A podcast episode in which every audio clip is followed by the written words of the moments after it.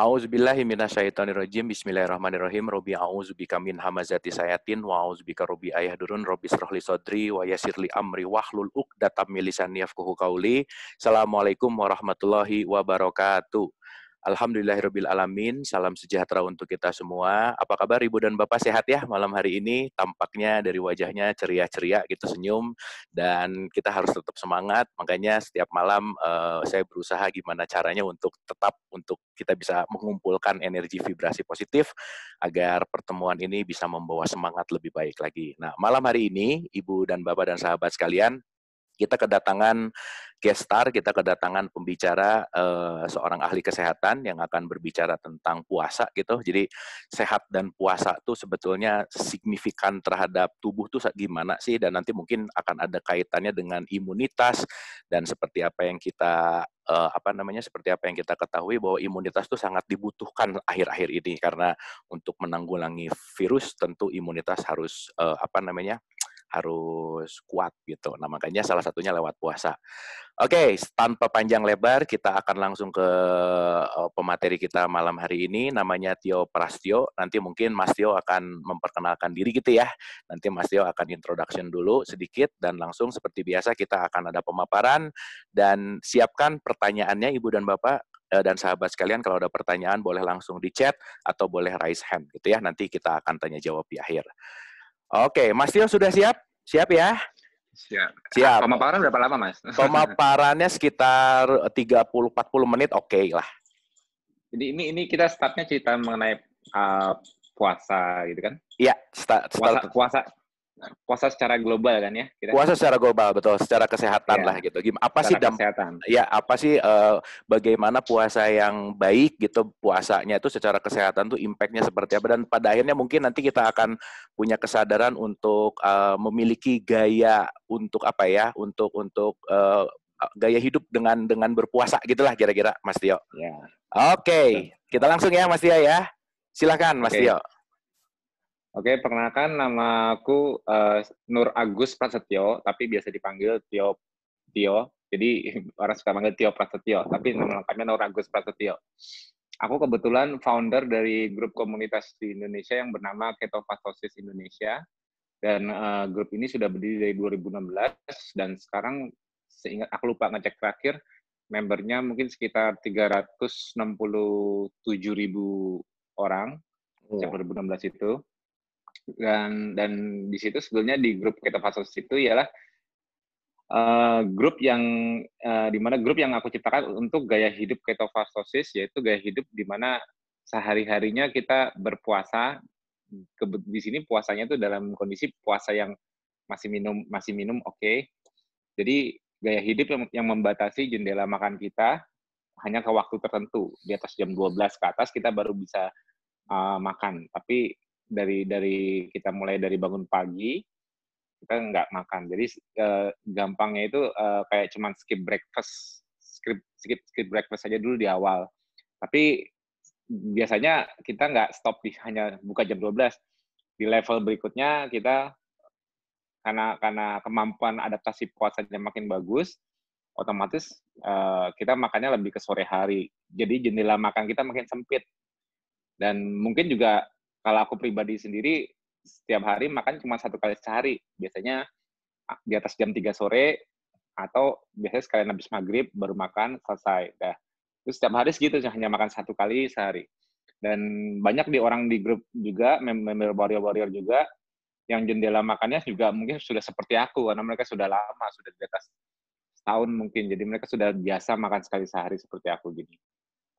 Dan uh, kenapa gaya hidupnya seperti ini nanti akan berhubungan mengenai pentingnya puasa. Puasa itu maksudnya gini, kalau kita bicara puasa secara global, sebetulnya puasa itu sudah terjadi sudah sangat lama.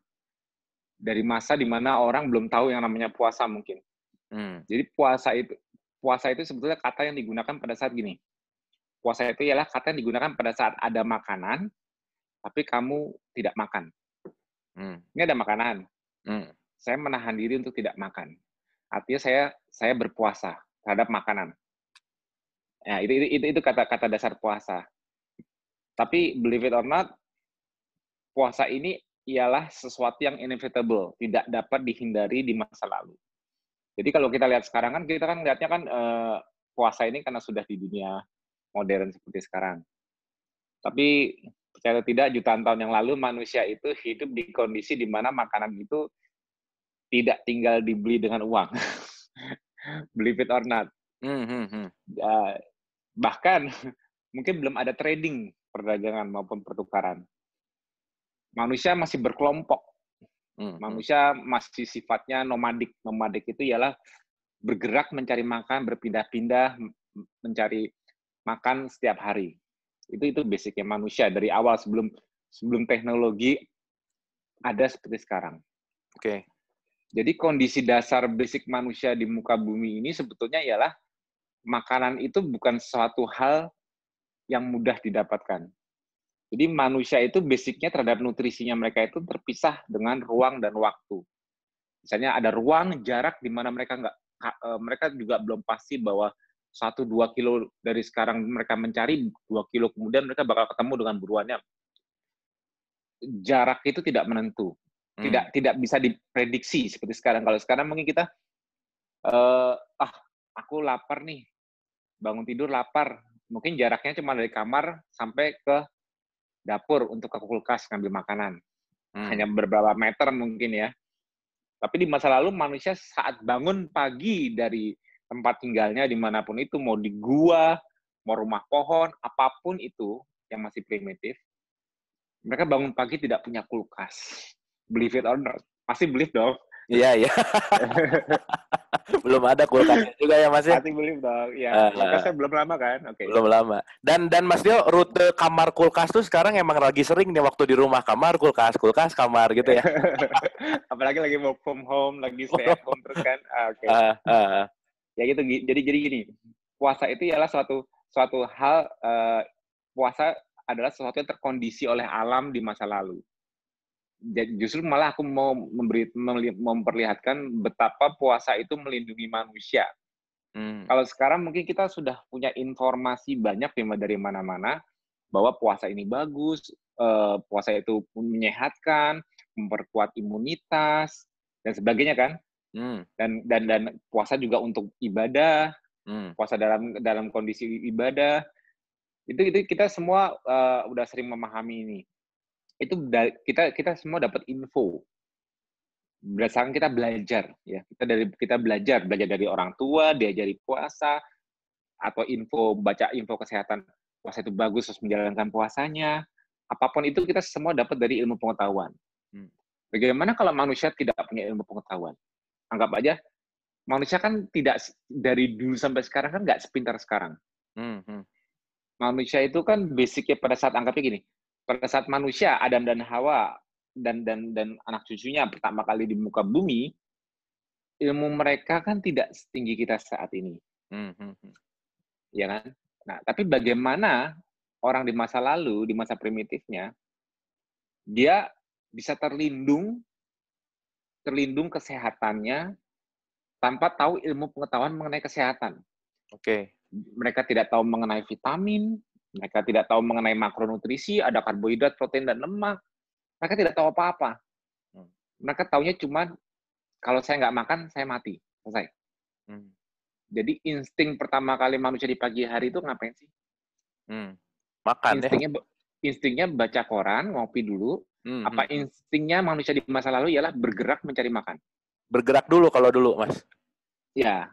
Uh. Jadi jadi intinya gini, manusia di masa lalu setiap pagi itu instingnya mencari makan. Oke. Okay. Masalahnya kan kita sudah sama-sama sepakat bahwa di masa lalu nggak ada kulkas. Mm. Berarti mereka harus bergerak mencari makan. Mm. Nah, pada saat mereka bergerak mencari makan ini di masa lalu, ada yang berani jamin nggak jam 12 mereka pasti makan? Mm. Yeah, yang iya. berani jamin jam 2 siang deh. Ada yang berani jamin jam 5 sore udah pasti makan. Yeah, tidak yeah. menentu kan? Makanan itu tidak makanan itu tidak menentukan di masa lalu kan. Kalau sekarang menentu banget, menentu dan pasti. Hmm. Kalau kamu nggak makan, mungkin kamu nggak punya duit. masalah masalah tinggal itu aja kan, benar nggak? Iya iya iya iya. Ya, di masa lalu ada ada pengaruh nggak uang? Nggak ada. Hmm. Kalau mau makan, kamu bergerak. Bergerak di mana alam masih membatasi ruang dan waktu. Ruang ruang itu jarak ya. Waktu hmm. itu kita nggak tahu. Nggak tahu jam berapa bisa makan, jam 12, jam 3, jam 5. Kita nggak tahu. Dan kita nggak tahu berapa kilo kita baru ketemu makanannya. Hmm. Tapi begitulah alam sejujurnya. Alam alam dari dulu tidak ramah dengan manusia. Hmm. Makanan ada, tapi kamu harus cari. Kamu nggak bisa cuma diam aja duduk dari dari pagi bangun tidur di depan guanya cuma nongkrongin mana kijang lewat ya. Hmm. Gak ada manusia menunggu seperti ini. Kalau kita menunggu kayak gini mungkin nungguin mana tukang lontong sayur ya. lewat-lewat. Betul nggak? Iya iya benar benar benar benar. Eh, hewan hewan ditungguin. Eh itu ada ayam datang. Eh sini ayam sini sini. Mau makan. Mungkin nggak? Nggak kan? Iya iya iya iya. Bergerak itulah makanya disebut namanya mereka sifatnya nomaden, nomadik, bergerak mencari makan di kondisi bergerak mencari makan itu itu itu yang agak unik. Agak unik kenapa? Karena mungkin banyak banyak dari kita saat ini rata-rata kalau belum sarapan harus kalau belum sarapan ya hmm. jam 10 mungkin perutnya udah kerucuk-kerucuk. Ada yang mahnya kambuh.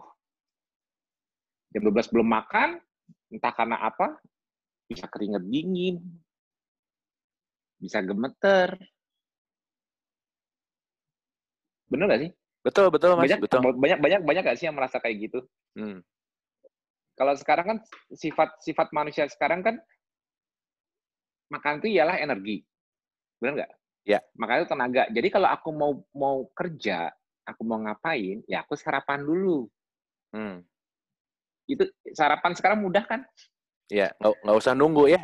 Nggak usah iya, jauh-jauh. makanya, makanya kalau aku kembalikan lagi ke masa lalu, di mana manusia dikondisikan oleh alam seperti itu, dan mereka nggak mungkin sarapan, apakah mereka mengalami hal yang sama dengan kita?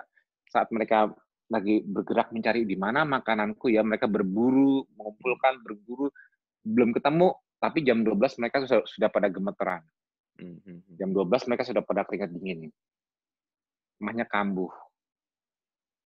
Berarti kondisi-kondisi seperti itu justru malah kondisi yang melemahkan manusia untuk bisa cari makan, betul nggak? Hmm, hmm, hmm. Kalau kondisi yang kita lihat saat ini terjadi di masa lalu, selesai. Selesainya kenapa? Begitu jam 12 mereka udah kerucuk-kerucuk, udah pusing nggak kelihatan, udah nggak udah kelihatan nggak bisa fokus, ada kijang lewat di depan. Mau nombak udah gemetar duluan. Hmm. Mau mana udah nggak fokus pas dilepas busurnya ke temennya. Aduh kok gue ini sorry gue nggak bisa mikir. Pusing gue gara-gara gue belum kenapa lu gitu? Gue belum sarapan. Iya iya iya. Jadi jadi kalau itu sampai kalau gejala-gejala di masa modern sekarang ini terjadi bagi orang masa lalu manusia itu nggak survive. Mm -hmm. somehow di masa lalu teorinya kalau manusia mau selamat kalau dia belum makan, harusnya dia harus tubuhnya harus mengkondisikan dia makin bisa cari makan. Hmm. Kalau sekarang kan belum makan, harus ngeluarin aktivitas fisik banyak, tenaga makin habis, ya makin cepat lemes, makin nggak bertenaga dong. Logikanya kan gitu awamnya. Hmm, hmm, hmm, hmm. Tapi kalau kalau teori tersebut kita pakai di masa lalu, teori tersebut kita pakai di masa di mana manusia masih harus cari makan ya, bukan beli, masih harus cari makan. Di mana cari makan itu bukan dengan mikir seperti sekarang. Sorry, tetap mikir, cuman kalau kita kan sekarang cari duit pakai otak. Kalau hmm. mereka nggak butuh cari duit, mereka butuh cari makannya, mereka harus bergerak, berpikir hmm. juga untuk mengatur strategi dan sebagainya. Hmm. Tapi tapi untuk melakukan itu, kalau mereka terhalang dengan perut kosong mereka, sudah selesai. Kenapa? Kalau manusia dikondisikan semakin lemah saat saat belum makan, dijamin dia makin tidak bisa makan. Kenapa? Makin tidak mungkin menemukan makanannya. Benar nggak? Betul, betul, betul. Jadi kalau manusia di manusia disuruh ngikutin grafiknya waktu yang diperpanjang dari dari dari dari ketemu makanannya, dia melemah, hmm. dia makin mungkin nggak untuk dapat makanannya. Makin susah ya. Makin susah. Betul. Berarti manusia dari manusia tuh dari dulu harus selalu dekat dengan makanan dong. Kalau nggak dekat makanan, manusia ialah spesies yang hilang dari muka bumi. Kenapa? Mm -hmm. Karena manusia ialah spesies yang harus tidak boleh jauh dari makanan di sekitarnya. Baru dia ada. Hmm. spesies kita diketahui nama singa. Spesies kita diketahui nama serigala. Mm-hmm. Spesies kita paling lemah. Mm-hmm. Berarti dalam teori survival of the fittest, kita sudah kalah dari dulu. Oke. Okay. Tapi buktinya, buktinya apa? Buktinya sekarang kita lagi pada Zoom, singa, hmm. gajah, kuda, dan sebagainya pada di kebun binatang. Hmm, hmm, hmm. Itu nggak? Ya, ya, ya. Berarti ada yang berarti teorinya nggak seperti itu di masa lalu. Karena kalau hmm. seperti itu di masa lalu manusia manusia udah lemah kayak kita gini.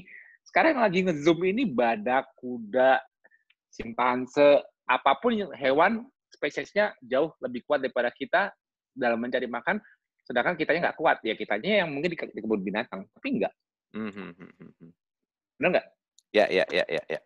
Berarti dalam teori ruang dan waktu, jarak antara manusia dengan makanan yang jaraknya ini, jarak antara manusia dengan makanan dan waktu yang dibutuhkan manusia untuk untuk sampai menemukan makanannya, manusia itu teorinya bukan energinya bukan makin turun, hmm. Tapi semakin lama nggak makan, energinya harus makin naik. Oke. Okay. Bingung nggak? Bingung ah? Masa nggak makan energinya makin naik? Hmm. Masa bergerak makin jauh mencari makan tenaganya makin kuat? bagaimana mungkin? Okay. Mungkin yang yang yang yang orang di zaman modern sekarang bingung kan? Kok hmm. kok makin lama nggak makan malah makin seger, makin lama-lama nggak makan kok malah bisa fokus, bisa mikir. Ini jam 12 belum makan, lebih pinter mikirnya dibanding jam 8 tadi. Hmm. Jam 3 belum makan, otaknya tiba-tiba kayak dapat energi yang membuat dia bisa berpikir lagi. Duh, gimana ya? kurang apa ya strategiku untuk mencari makan? Kalau manusia teorinya ngikutin ngikutin peningkatan energi ke otak dan fisik seiring waktu yang makin lama tidak makan, baru manusia bisa survive. Hmm. Itu okay. cara satu-satunya manusia bisa survive di muka bumi yang tidak ramah dengan ketiadaan makanan. Hmm. Kalau manusia nggak memiliki kemampuan itu di masa lalu, selesai. Hmm. Tapi kemampuan seperti itu sudah terkubur saat ini. Saat manusia sudah dikelilingi dengan makanan. Oke. Itu. Ini yang mau kasih tahu rahasianya. Berarti kita sebetulnya udah nggak natural ya, Mas ya? Ya, mungkin mungkin di sini uh, uh, say hi dulu. Uh, mungkin ada ada yang dari uh, grupku Ketofasosis. Iya, ada pasti. Tadi udah say hi di awal. Ya. kalau kalau termasuk Mas Abu sendiri ya. Iya, iya. ya, kalau kalau kalau boleh nanti bisa ditanyakan ke orang-orang di grupku apa yang mereka rasakan saat mereka puasanya makin panjang. Oke. Okay. Misalnya uh, percaya atau enggak di grup kita bahkan ada yang nggak makan sampai tiga hari. -hmm. Dan jangan berpikir yang tiga hari nggak makan itu mereka pada pingsan semua tidur tiduran doang. Enggak. Tanya mereka kan, mereka itu kayak super superhuman saat hari ketiga. Kayak nggak bisa diem, bawaannya mau gerak terus, pikirannya makin jreng. Itulah uniknya. Ada yang aneh dengan metabolisme apakah itu? Jadi basicnya yang aku cerita tadi, yang aku ceritakan di grup itu, aku menciptakan gaya hidup yang mengembalikan metabolisme primitif manusia yang hilang itu sebelumnya. Kemampuan untuk memiliki energi bagi fisik dan otak tanpa adanya makanan. Oke. Okay. Mengembalikan kemampuan itu dari puasa. Sehingga sehingga puasa yang mungkin orang ah bagi ini kita ngomong secara fisiologi ya di luar agama ya. Hmm. Puasa secara fisiologi kalau mau kita jujur-jujuran dengan orang yang orang yang yang yang umum ya, orang pada umumnya, orang pada umumnya kalau kita kita mau bikin real jujur-jujuran, di luar grupku ya, kalau kita wawancara satu-satu pasti ngomong gini. Puasa sehat nggak? Sehat. Nyaman nggak berpuasa? Ya ada mungkin ada yang oh nyaman saya biasa-biasa aja. Tapi kalau tanya saya jujur, kalau uh, kita uh, lari atau kita banyak aktivitas, kamu pilih di kondisi puasa apa kondisi bukan puasa? Hmm. Ya kalau untuk aktivitas fisik performa ya memang tetap lebih seger kalau bukan puasa dong. Iya, habis buka, habis makan ya. habis makan kalau itu baru fresh baru apa-apa betul gitu kan? Iya, iya, iya. Nah, itu dia. Rata-rata orang pasti menjawab uh, lebih fit, lebih segar di kondisi yang bukan puasa, hmm. yang yang yang yang yang makannya masih bebas. Hmm. Tidak membatasi diri. Pasti menjawabnya di kondisi itu. Kalau ditanya ke orang-orang di grupku, kebalikan enakan kondisi mana? Habis makan apa sebelum makan? Sebelum makan. Habis makan, ngantuk mas. Lemes. Mungkin mikirnya nggak sejreng waktu belum makan. Iya, iya. Nah, jadi jadi kayak ada kayak uh, metabolisme ini kayak dua sisi koin yang terbalik. Metabolisme zaman modern itu ini anggapnya ini koin ya. Metabolisme orang sekarang itu seperti ini, metabolisme yang aku ajari itu yang dibaliknya. Okay. Modern modern metabolism, primitive metabolism. Nah, pertanyaannya, kenapa mau susah-susah mengembalikan primitive metabolism di zaman modern seperti ini? Hmm, hmm. Kenapa kamu susah-susah mau memiliki kemampuan untuk tidak makan? Jadi gini, kalau kita bisa seger, lebih jreng, fisiknya kuat, di kondisi nggak makan, sekarang penting nggak? Nggak penting juga sih. Kenapa? Karena kan makanan banyak. Hmm. Kenapa kamu kamu harus memiliki kemampuan seperti orang dulu yang memang nggak ada makanan? Jadi untuk cari makan, kamu harus bisa pikirnya makin makin lama kamu nggak makan, kamu harus makin jreng. Makin lama kamu nggak makan, kamu larinya harus bisa makin cepat. Dengan cara seperti itu, kamu bisa menemukan makananmu. Itu metabolisme primitif ini sangat dibutuhkan di masa lalu. Tapi di masa kini perlu nggak metabolisme ini kalau untuk makan? Ya perlu. Hmm. Karena karena makanan makin dekat. Karena makanan makin mudah. Makanan makin murah. Hmm. Hmm. Jadi yang aku ajarin ya justru itu. Justru yang merusak manusia saat ini tanpa disadari ialah makanan. Di balik kita ngomong semua sibuk ngomong vitamin A sampai Z karena kita sudah punya ilmu pengetahuan vitamin tersebut, ada ilmunya.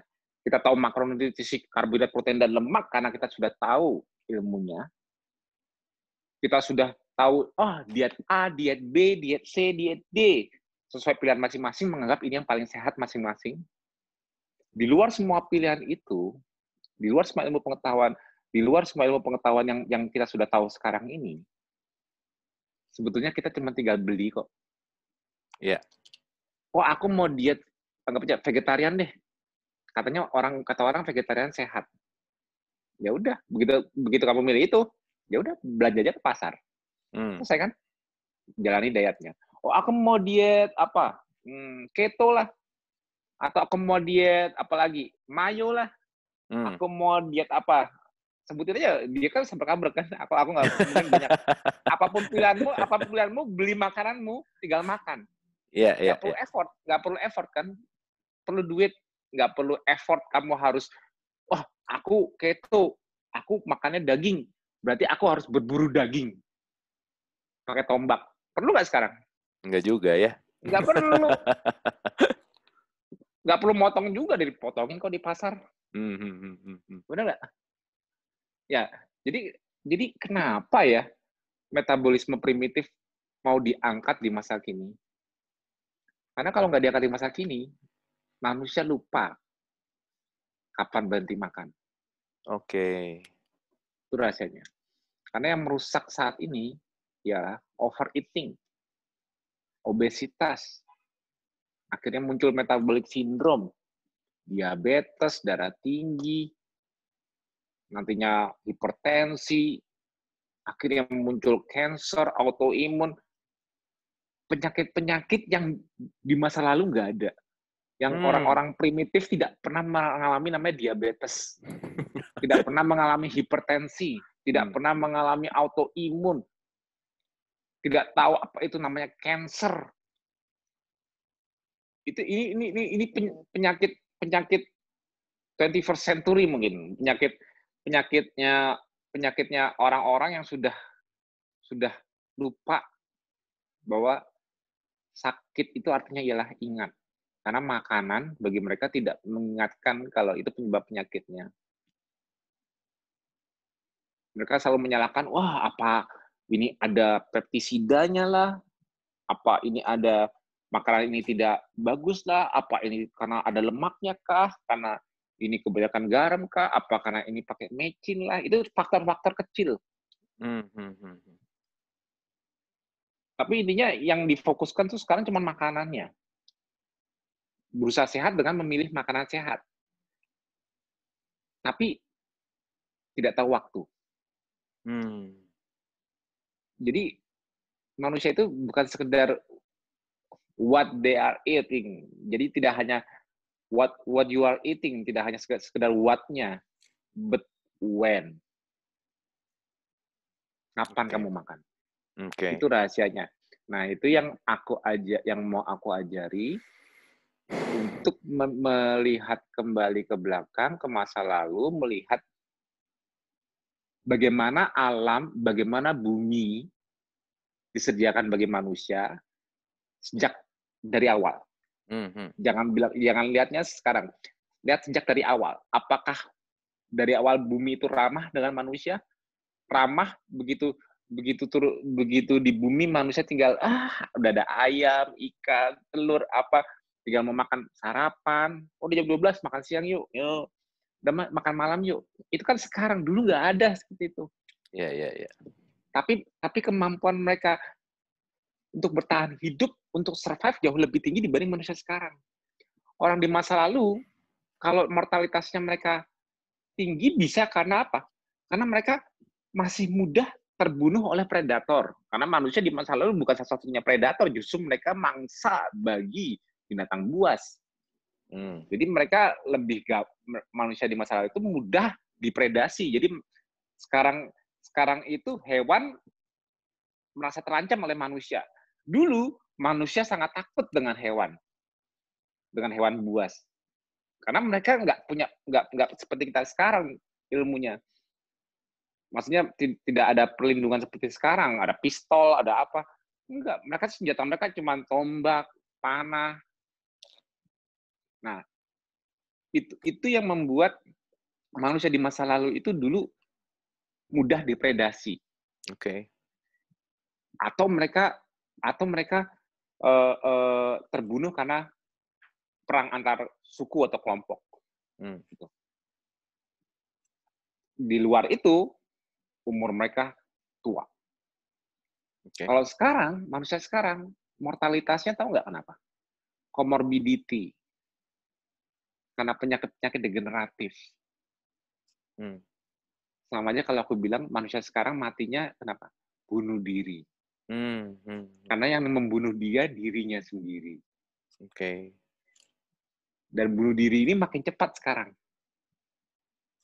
tidak hanya di usia tua aja yang yang yang yang, yang memang sudah akhirnya kena diabetes. Sekarang diabetes itu bukan bukan di atas 50 lagi. Turun. Hmm, sampai hmm. ke angka 20-an mungkin 28, 29 udah punya diabetes. Udah punya asam urat, darah tinggi. Metabolic disordernya udah banyak banget. Semua itu cuma karena satu, karena makanan. Hmm. Karena selalu makan. Terutama overeating apa makananku kurang sehat ya, kurang apa ya, kurang itu itu belakangan. Ngomongin apa yang kamu makan belakangan. Yang dibicarakan ialah pembatasan kalori. Hmm, hmm. Mudah. Kalau di masa lalu, kalau sekarang kita diajarin ilmu kalori. Oh, ini ini tinggal nyari di Google. Ini ini berapa kalori, berapa kalori. Oh, kebutuhanku berapa kalori sih? Hitung-hitungan ada untuk menghitung kalori kebutuhan sehari dengan aktivitasnya berapa. Nanti ketemu kalori berapa. Oh, ternyata kalori itu 2000 wah aku makannya supaya diet biar kurusan 1500 deh. 1500 pas makan nasinya, ayamnya dihitung semua. Wah ini 1500 makan. Sekarang udah ada itu. Hmm. Manusia manusia di masa lalu bahkan nggak tahu nggak punya kalkulator bahkan nggak tahu ini nilai kalorinya berapa betul nggak benar mas ya, benar benar benar tapi, tapi manusia di masa lalu terhindar dari overeating karena apa karena alam Mungkin hmm. kalau manusia dari mungkin kalau kita punya time machine, hmm. ya hmm. kita ngayal dikit nih, ngayal dikit. Yeah. Kalau kita punya mesin waktu, kita ke masa lalu berapa juta tahun lalu, pak, ambil orang sana taruh di taruh taruh di Jakarta deh, pak. Kita lihat nggak lama lagi dia diabetes nih. Kenapa? Karena orang di masa lalu isi kepalanya cuma cari makan. Taruh di sini, makanan di mana-mana, habis sama dia. Wah, oh, ada ayam. Oh, makan. Ternyata makanan banyak. Puasin diri dia sendiri. Karena alam di sini, alam pada saat aku pindahkan dari alam di masa lalu ke masa alam sini, alam sini tidak melindungi dia untuk sehat lagi. Hmm. Alam sekarang mensupport dia untuk selalu makan. Hmm. Itu masalahnya kan? Hmm. Nah, jadi jadi aku nggak bilang justru Justru untuk sehat saat ini kita butuh ilmu. Kalau kita nggak punya ilmu, kita kita bisa bisa bisa istilahnya apa ya? Kalau kita ngikutin apa aja, ada oh ada ini tinggal beli tinggal makan, ada itu makan nggak perlu pakai ilmu. Pokoknya apa yang enak di lidah telan.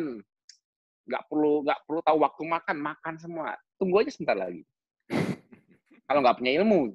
Jadi yeah. jadi kalau mau mau selamat mau selamat di masa kini, kalau mau selamat di alam sekarang, harus punya ilmu. Hmm, hmm, hmm. Di masa lalu manusia tidak ada yang butuh ilmu sejauh kita untuk selamat atau sehat. Kenapa? Alam yang menyehatkan mereka. Alam yang membentuk mereka, alam yang membentuk mereka kapan mereka baru bisa makan. Oke. Okay. Alam yang membentuk mereka apa yang bisa mereka makan. Itu rahasia rahasia terbesar yang orang jarang yang mungkin para ahli gizi nutrisionis sekarang udah ilmunya tinggi mengetahui macam-macam isinya padahal konsep dari makanan itu ialah simple bagi manusia konsep kesehatan itu bagi manusia yang itu harus simple apa karena kalau sehat itu ilmunya harus tinggi dulu manusia dari dulu nggak ada yang sehat dong hmm, hmm, oh hmm, manusia zaman dulu kan belum tahu vitamin A belum tahu vitamin C nggak mereka juga kagak ngerti vitamin itu apa. Berarti mereka dulu nggak sehat dong. Ternyata enggak kan? Ya. Yang nggak sehat kita sekarang. Benar nggak? Benar mas, benar. Nah, nah ya, jadi jadi kosongkan gelas. Kosongkan gelas dari semua ilmu yang kita miliki sekarang. Karena kalau ilmu kita merasa paling hebat, orang yang paling bodoh di masa lalu udah tewas. Hmm. Karena tidak punya ilmu seperti kita. Tapi enggak kenyataannya insting manusia, insting paling basic, insting hedonik manusia. Itu tetap basicnya manusia. Hedonitas, hedoniknya manusia itu di masa lalu selalu digunakan. Tapi hedoniknya dia itu terbatas oleh apa? Terbatas oleh jarak dan waktu. Hmm. Alam tidak memberikan alam tidak memberikan kesempatan bagi manusia di masa lalu untuk bisa makan dari pagi. Oke. Okay dan dan kalaupun mereka anggap aja ketemu jam 12 siang, wah alhamdulillah beruntung berburu dapat buruannya kijang, kerbau apa pun buruan mereka hewan yang mereka dapat mereka jam 12 itu begitu habis dibunuh nggak langsung dimakan di tempat kayak kayak singa atau serigala. Kalau kalau singa atau serigala karena dia raja hutan begitu dapat buruannya tarik sebentar ke sini kawannya datang makan di tempat udah selesai saat itu juga mentah-mentah. Iya kan? Ya, ya, ya. Manusia ketemu manusia ketemu sorry, singa ketemu buruannya jam 12 jam 1 siang, ya dimakan jam segitu juga. Manusia enggak. Hmm, hmm. Manusia habis ketemu kerbau, ketemu apa yang apa yang mereka buru dulu, itu hewan yang mereka buru. Man, manusia bakal berusaha mencari tempat yang aman. Hmm, hmm. Karena manusia itu spesies lemah di masa lalu. Dia itu diburu juga. Hmm, hmm misalnya dia dapat buru kijang, dia makan di tempat, tunggu aja lu sebentar lagi di belakang di, di mindik-mindik ada singa juga. Hmm, hmm, hmm, hmm. Atau hewan buas apa pun di masa lalu. Jadi logikanya manusia pun setelah, setelah mendapatkan buruannya, dia tidak berani makan saat itu juga di lokasi buruan dia.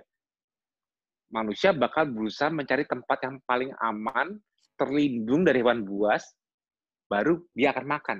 Makanya buruannya pun pasti dibawa pulang dulu, karena tempat ramah di mana lagi? Hmm.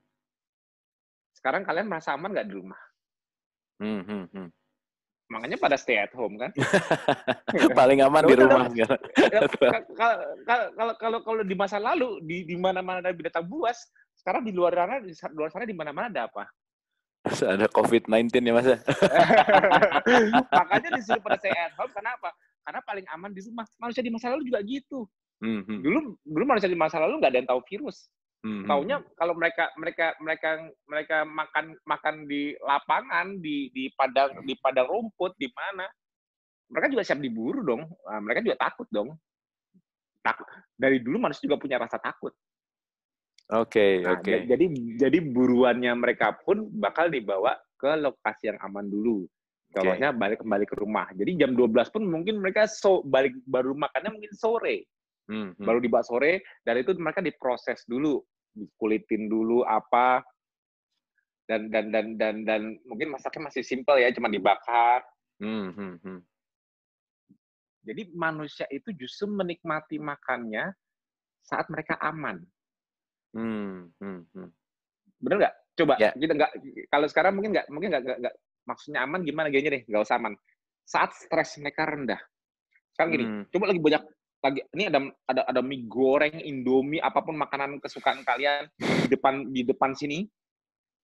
Tapi bos nelpon marah-marah, disuruh buru-buru ke sana nganterin barang apa-apa dalam kondisi aduh. Nikmat nggak makanannya?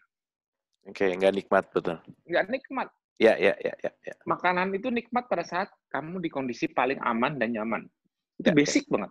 Basic banget. Hmm, hmm, hmm. Dan dan dan kondisi itu disebut kondisi rest and digest. Itu ya pengontrolnya sistem autonomous autonomous sistem saraf kita. Ada dua ada dua sistem pengontrolan yaitu rest and digest, satu lagi fight or flight, simpatetik dan parasimpatetik. Hmm. Sistem simpatetik kita yang paling aktif dari pagi. Parasimpatetik kita aktifnya itu pas sudah mulai sore ke malam hari. Jadi pada saat pagi hari, simpatetik kita aktif kenapa? Karena kita disiapkan untuk mencari makan. Hmm, sibuk ya? Bergerak. Okay. Kerja.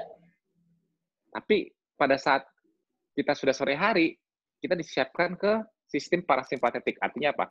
Rest and digest. Istirahat dan mencerna. Artinya apa? Artinya normalnya orang dulu, normalnya orang dulu, kalau mereka sudah nyaman, tenang, baru bisa makan makanan mereka dengan nikmat, habis itu mereka ngapain? Kerja lagi apa tidur? Tidur. Tidur. Karena mereka begitu mereka udah digesting, sudah memasukkan makanan mereka ke lambung, lambungnya sudah bekerja mencerna, mengeluarkan asam lambung untuk mencerna protein dan sebagainya di lambungnya dia, menunggu penyerapan berikutnya di ususnya, itu energinya sangat besar yang dibutuhkan. Mm-hmm. Karena energi untuk energi yang sangat besar itu di, karena semua energi itu lari ke sini semua digestion, otomatis tahu nggak apa? Mm. Apa yang apa yang apa yang membuat manusia membuat manusia itu kalau digest ialah kondisi paling terlemah manusia. Hmm. Jadi manusia itu justru kalau sudah makan dia paling lemah. Jadi sebetulnya walaupun makan itu ialah sumber gizi, sumber nutrisi untuk bertahan hidup, melalui proses yang harus dia lalui untuk penyerapan nutrisi tersebut, dia butuh waktu untuk mencerna, mendigest. Makanya posisi saraf otonomus kita juga memposisikan pada saat kita makan, kita berarti resting, istirahat setelahnya. Hmm. Di masa lalu, habis makan, tidur. Sekarang, oh, habis makan malam tidur, ntar gue gendut lagi. Orang-orang di zaman dulu ada yang, gak ada yang kepikiran gendut. Yeah. Orang-orang di zaman dulu taunya taunya makan tidur.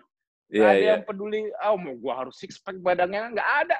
Mereka badannya bisa six pack kayak gitu karena mereka harus bekerja jadi terbentuk sendirinya karena mereka menggunakan fisik bekerja apa makan terbatas body body fatnya tipis, lean, jadi cuma kulit kulitnya pada tipis-tipis semua. Yang banyak di tubuh mereka ialah ototnya. Kenapa? Karena mereka fungsi semua untuk bekerja. Bukan bukan menyimpan menyimpan makanan terus dalam bentuk lemak di mana-mana makannya banyak kebanyakan lebih fisiknya sedentari, kurang bergerak, tapi makannya banyak. Ya otomatis badannya isinya apa? Lemak semua. Kenapa? Karena makanannya nggak dipakai buat energi apa apa ya udah disimpan ini di pipi perut paha dan sebagainya. Hmm. Nah itu kan sekarang. Kalau dulu mereka mereka mereka badannya lean semua, six pack semua, tapi mereka nggak pengen seperti itu. Mereka nggak peduli mau gue six pack kayak apa apa. Yang penting gue udah makan selamat, alhamdulillah hari ini bisa makan. Artinya bisa melanjutkan langsungan hidup dia di masa lalu. Makanan mereka itu makan untuk bisa hidup Hmm. Bukan bukan kayak kita kita hidup untuk selalu makan. Karena kenikmatan hidup kita sekarang ialah makanan. Sosial kita sekarang, eh, nongkrong di mana yuk kita makan ini, untung ada pizza baru buka enak banget. Iya oh, benar. kita makan di ini, wah ada ini, ini, ini. Ini social life sekarang kita ialah identik dengan makanan. Iya benar benar benar. Ya kan? Nah, benar. Kalau kalau kalau kalau di masa lalu mereka hmm, so, kalau social life harus makan gimana? Nggak bisa. Mereka itu berusaha makan, mati-matian cari makan, berusaha supaya supaya mereka bisa meneruskan kelangsungan hidup. Jadi mereka harus memiliki metabolisme yang mendukung mereka untuk bisa makan. Hmm, hmm, hmm. Dan dan ternyata alam-alam yang menyulitkan manusia di masa lalu, percaya nggak? Ya, manusia ya, di masa lalu itu tidak punya ilmu, tapi karena alam menyulitkan mereka untuk makan, mereka jadi sehat. Ya. Mereka sehat karena alam. Mereka nggak ada yang mereka nggak ada yang berusaha diet dietan. Mereka kalau di masa kalau kalau kita ngaya lagi, Hmm. kita ngaya lagi ya, ngaya lagi. Tadi kan orang di masa lalu aku taruh sini, Nah, jadi diabetes. Sekarang gini, kita cari tukang bubur ayam, masukin mesin waktu, biar ke masa lalu. nah. Mereka bangun pagi dari gua mereka, tiba-tiba ada bubur ayam. Diserbu, pada makan juga pagi-pagi kok. Oke. Kan instingnya, instingnya cuma makan. Iya iya Tapi iya. kan itu, itu nggak terjadi, itu dia makanya. Ya oke. Itu itu dia karena jadi pola yang kita pelajari ialah manusia itu makannya itu jendela makan manusia itu sepanjang kan satu hari itu 24 jam. Hmm, hmm, hmm. Benar nggak? Iya iya. Dari pagi ketemu pagi lagi kan 24 jam. Hmm, hmm.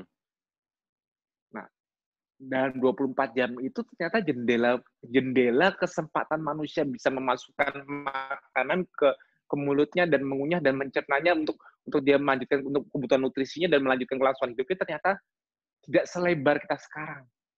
Hmm, hmm. Tidak selebar kita kalau kita sekarang dari kita melek sampai mau merem lagi kita bisa terlalu makan. Siapa yang mau mau memberhentikan kita makan? Selama di kulkas masih penuh makanan makan terus. Hmm, hmm. Selama ada jajanan kue apa-apa mengemil terus. Oke. Benar. Siapa yang bisa menghentikan kita makan saat ini? Oh, makanan ada di mana-mana. Alam kita sekarang seperti ini loh. Ini Hmm. alam kita. Tapi di masa lalu, alam menyelamatkan manusia.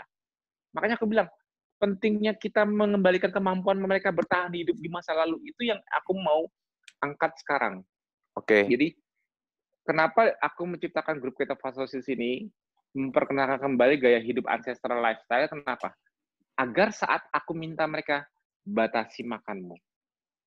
Batasi makanmu bagi pemula hanya di jam 12 siang sampai jam 8 malam. Berarti Oke. jendela makannya hanya 8 jam. Mungkin bagi orang-orang yang sehat mudah. Bagi orang yang sudah punya metabolic syndrome atau obesitas dengan silent silent metabolic syndrome yang nggak kelihatan, jadi dia nggak merasa punya penyakit diabetes apa apa, tapi banyak gini loh, banyak orang merasa diri mereka sehat. Hmm. Banyak orang bilang, oh saya nggak pernah sakit, oh saya nggak pernah merasa tuh badannya eh, apa, eh, nggak aku nggak punya diabetes, apa ala apa yang karena mereka merasa selalu sehat ya. Oke, kita buktikan tes kesehatanmu dengan mudah. Hmm. Tesku nggak perlu pakai tes darah. Tesku cuma satu. Coba skip sarapan. Hmm. hmm. Anak anak-anak kecil yang masih pada sehat itu kenapa kalau pagi susah makan? Karena mereka tidak lapar. Mereka Hmm. Hampir rata-rata anak-anak yang tidak obesitas ya, anak-anak yang masih kecil sehat. Karena dari lahir mereka lahir kan anak- anak-anak itu kan belum mencapai waktunya dia mengalami metabolic syndrome kecuali orang tuanya berlebihan sampai anaknya gemuk banget, nah itu dia sudah metabolic syndrome dari kecil. Tapi kalau Hmm. anak-anak sehat lainnya rata-rata di mana-mana paling susah disuruh makan pagi. Hmm. Hmm. hmm. Susah. Orang tuanya udah kayak kamu harus sarapan gini, gini, makannya susah-susah gitu. Dan mereka malah sibuk lari sana lari sini. Malah sibuk main apa aktivitas fisiknya malah lebih tinggi. Dianya makannya susah. Makannya kadang-kadang di mood lama. Iya mah itu loh. Mana anak-anak itu sebetulnya mewakili metabolisme manusia di masa lalu metabolisme di mana dari bangun pagi itu mereka tidak lapar. Sebetulnya mereka tidak lapar. Mereka malah mau aktif fisik dulu. Nah kalau aku ngetes orang sehat apa enggak kayak gitu yang dewasa. Hmm. udah, skip aja sarapan. Begitu dia skip sarapan, duh, kok mahnya kambuh ya? Aduh, kok kepalanya pusing ya, kelingan nggak bisa mikir. Aduh, kok keringet dingin ya? Lah, katanya sehat. Hmm. Kemarin-kemarin sehat saya, sumpah. Kemarin-kemarin sehat, kamu gimana? Iya, pokoknya kalau aku saya kalau aku udah sarapan mah nggak ada gejala-gejala kayak gini. Oh, berarti kamu sehat setelah makan. Hmm, hmm. Kesehatan orang manusia sekarang ialah kesehatan setelah makan. Kalau mau dites benar-benar kesehatannya, coba kamu lihat kesehatan tanpa makanan. Hmm, hmm. Apa yang kamu rasakan saat kamu tidak makan dari bangun pagi? Kalau dari bangun pagi kamu tidak makan, kamu sudah mengalami berbagai macam gejala, itulah metabolismemu yang sudah tidak sehat. Karena aslinya orang yang masih sehat bangun pagi itu mau disuruh makan baru jam 12, jam 1, jam 2. Tidak ada yang menghalanginya untuk mampu mengakses lemak di badannya sendiri yang disimpan sebagai sumber energi.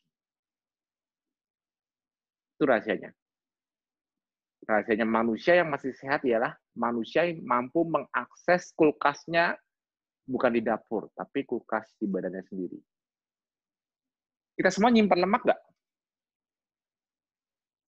Ya, ya. Mungkin orang bilang, oh, Mas Tio lemaknya berapa? Oke, lemakku paling cuma 12-15 persen. Tapi itu sedikit. Enggak, itu banyak. Enggak kelihatan aja di kulit. Ya, ada. Bukan yang enggak ada, ada.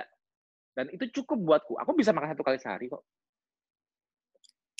Tapi malah orang sekarang yang perutnya segini, ya, yang perutnya perutnya sepanjang gini, makin kuat nggak makan apa makin cepat lapar? Coba orang yang six pack sama orang yang perutnya segini, cepat lapar mana? cepat lapar yang perutnya lebih maju kan? something wrong nggak, Mas? Something wrong nggak? Iya, iya, iya, iya. Aku coba tanya balik, aku ngetes. Uh. Isinya isinya perut itu apa yang sebesar ini? Lemak. Lemak kan? Iya. Lemak itu fungsinya apa di tubuh manusia? Apa ya? Untuk kah?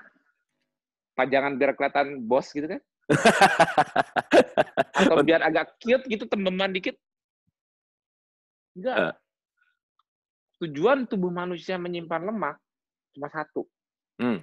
Menyimpannya sebagai sumber energi. Oke. Okay. Agar bisa dipakai saat tidak makan selesai. Catatan ya.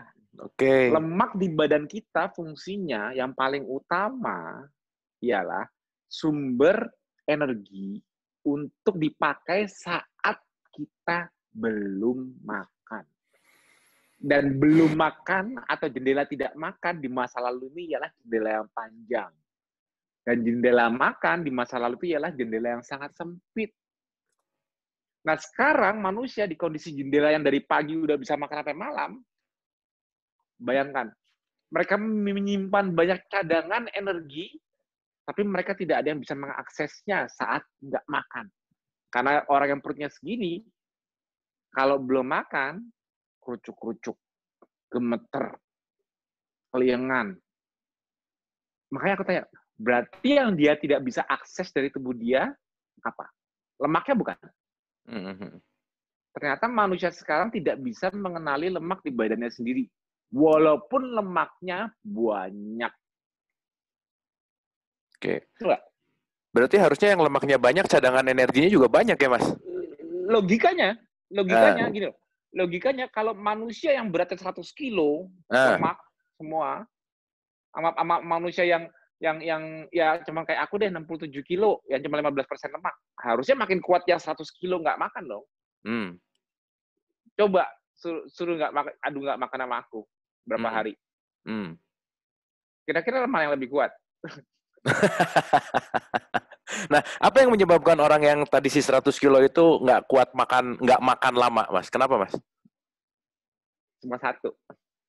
Semua itu kontrolnya di otak. Oh, oke. Okay. Maksudnya bukan bukan kontrol secara psikologi ya. Hmm. Kontrol secara fisiologi. Bukan bukan maksudnya determ, determinasi aku nggak makan. Percaya nggak? Kenapa kenapa oh Mas Tio makan cuma satu kali sehari? Mas Tio kenapa sih makan kenapa sih ditahan-tahan? Kenapa nggak makan aja? Demi Allah aku nggak nahan-nahan. Memang nggak lapar. Bukan nggak ada diet dietan memang uh. aku nggak lapar. Kalau aku lapar ya aku makan tapi nggak memang nggak lapar. Dari melek dari pagi. Justru malah aku aku pagi pagi eh, ngejim pagi jam 8 jam 9 udah ngejim satu sampai satu setengah jam atau atau sampai dua jam paling lama aku ngejim habis itu misalnya aku di kantor atau aku sibuk bergerak apa pun itu semakin banyak aku bergerak aku makin malah makin nggak lapar hmm, hmm, hmm. tapi memang di atas jam 3 sore udah ngikutin udah ngikutin circadian rhythmnya memang udah mulai energinya nggak se fresh banget kayak waktu masih di pagi sampai siang hari. Jam 3 sore ke sini udah memang udah kebutuhan untuk mendapatkan dari luar makanan udah mulai ada. Oke. Okay. Rasa lapar itu aku nggak pernah benar-benar yang namanya rasa lapar aku udah lupa kayak apa. Tapi instingku untuk mau makan udah mulai ada. Makanya aku lebih pilih makan aku di sore hari itu feelingku. Jadi bukan masalah aku nahan-nahan apa enggak. Ya memang memang tubuhku sendiri yang memang nggak minta. Oke. Okay. Nah, nah metabolisme itu loh Mas yang aku bilang. Hmm. Metabolisme yang yang aku lakukan itu ialah aku membuat otakku kenal dengan lemak di badanku. Oke. Okay. Jadi selama jendela nggak makan itu, ialah otakku tahu di mana harus cari energinya. Hmm. Nah, orang yang perutnya tadi sebesar ini, hmm. badannya sebesar itu, dengan lemak lebih banyak daripada aku, percaya nggak? Otak mereka, otaknya dia tidak kenal sama sekali dengan perutnya, pipinya, pahanya, tangannya, lengannya yang berlemak, lehernya berlemak di mana-mana ini tidak kenal sama sekali, tidak tahu kalau itu tenaga. Oke. Okay. Karena tahu nggak apa yang masih dicari di otak di sini? Makanan. Yang ya? dicari bukan. En, yang dicari ialah energi. Oke. Okay. Berarti berarti rahasianya kita ketemu nih sekarang. Hmm, hmm, hmm. Yang bedakan orang yang bisa nggak makan nggak makan tanpa gejala dan merasa lebih sehat saat tidak makan, artinya orang tersebut memiliki kemampuan otaknya ya. Otak itu ialah organ manusia yang tidak boleh kehilangan energi. Mm-hmm. Harus selalu konstan energinya. Nah, kalau orang mampu tidak makan dan otaknya terpenuhi selalu energinya, berarti otaknya mendapatkan energinya dari lemak. Oke. Okay. Nah, kalau orang yang otaknya tidak bisa kenal dengan energi tubuhnya karena pada saat dia nggak makan sebanyak apa pun lemak di badan dia nggak kenal hmm. otaknya otaknya malah mengalami penurunan energi sehingga makin nggak bisa mikir makin gem, efeknya ke tubuh juga namanya neuroglikopenia sebutnya neurogliko neuroglikopenia itu terjadi seiring dengan hipoglikemia neuroglikopenia artinya penurunan energi di otak. Okay. Penyebab utamanya saat ini ialah hipoglikemia, penurunan gula darah. Hmm. Penurunan gula darah ini mudahnya seiring waktu. Makin lama orang nggak makan, kira-kira gulanya makin naik apa makin turun? Makin turun. Makanya makin lama orang nggak makan, energi di otak makin turun nggak? Hmm. Makin turun kan? Ya. Itu masalahnya. Hmm, hmm, hmm, karena otaknya nyari gula. Otaknya nggak kenal pipinya, karena pipinya bukan gula. Okay. Karena perutnya bukan gula. Okay. Karena di lengannya apa yang small ini lemak semua, bukan gula. Dan gula di darahnya dia, pas makan gulanya bagus. Hmm. Malah mungkin naik dulu sebelum nanti ditekan lagi. Okay. Tapi kalau nggak dikasih makan, kalau nggak dikasih makan lagi, ya turun. Oke. Okay. Nah, terus Jadi makanya manusia mikir makan makan masukin lagi nasi, uh, roti, mie supaya gulanya bisa naik lagi, supaya seger lagi, hmm. supaya otaknya tidak pernah kehilangan gu gula. Oke. Okay. Oke. Okay. Itu itu itu masalahnya. Oke. Okay. Berarti otak manusia sekarang belum terbebas dari belenggu gula. Ya, ya, ya, ya, ya, ya. Gula yang dimasuk sini bukan gula pasir ya. Iya, iya. Ya mungkin banyak orang awam mikir gini, gula maksudnya gula apa nih mas? Yang di darahmu yang di darahmu itu yang untuk energi itu namanya gula darah, blood hmm. sugar, hmm. hmm, glukosa. Hmm. Itu gula. Jadi kalau bilang Kalau kalau saya makan gula pasir, di darah jadi apa? Gula. Ya. Ini gula pasir. Kalau saya makan gula Jawa, di, di darah jadi apa? Gula. gula. Ya. Oke deh. Saya makan nasi. Hmm. Di darah jadi apa? Gula juga. Gula. Hmm, hmm, hmm. Oke deh, saya nggak makan nasi merah deh. Tetap gula. Bukan yeah. berarti gulanya warna merah. Lebih merah ya. Iya, kan? iya, iya. Kita punya ilmu tuh, oh, yang sehat itu makan oatmeal. Oatmeal juga bisa buat bisa buat seger. Di darah jadi apa oatmealnya? Jadi gula juga ya. Selesai. Mm -hmm. Kita butuh butuh butuh tetap butuh walaupun kita kita dibilang wah oh, gula nggak sehat oh kebanyakan gula nggak bagus hindari orang udah udah pada mulai oke okay, nih nggak makan gula pasir lagi gini gini gini pilih yang lebih kompleks oatmeal apa nasi merah apa kentang ubi yang dirasa lebih sehat dibanding gula pasir tapi ujung-ujungnya tubuh taunya sama begitu kamu makan itu kamu berarti memasukkan memasukkan sesuatu yang bisa menjadi gula di darah oke okay, oke okay. Oke. Okay. Tapi begitu ini nggak ada, selesai. Okay. Turun energi di otak. Oke. Okay.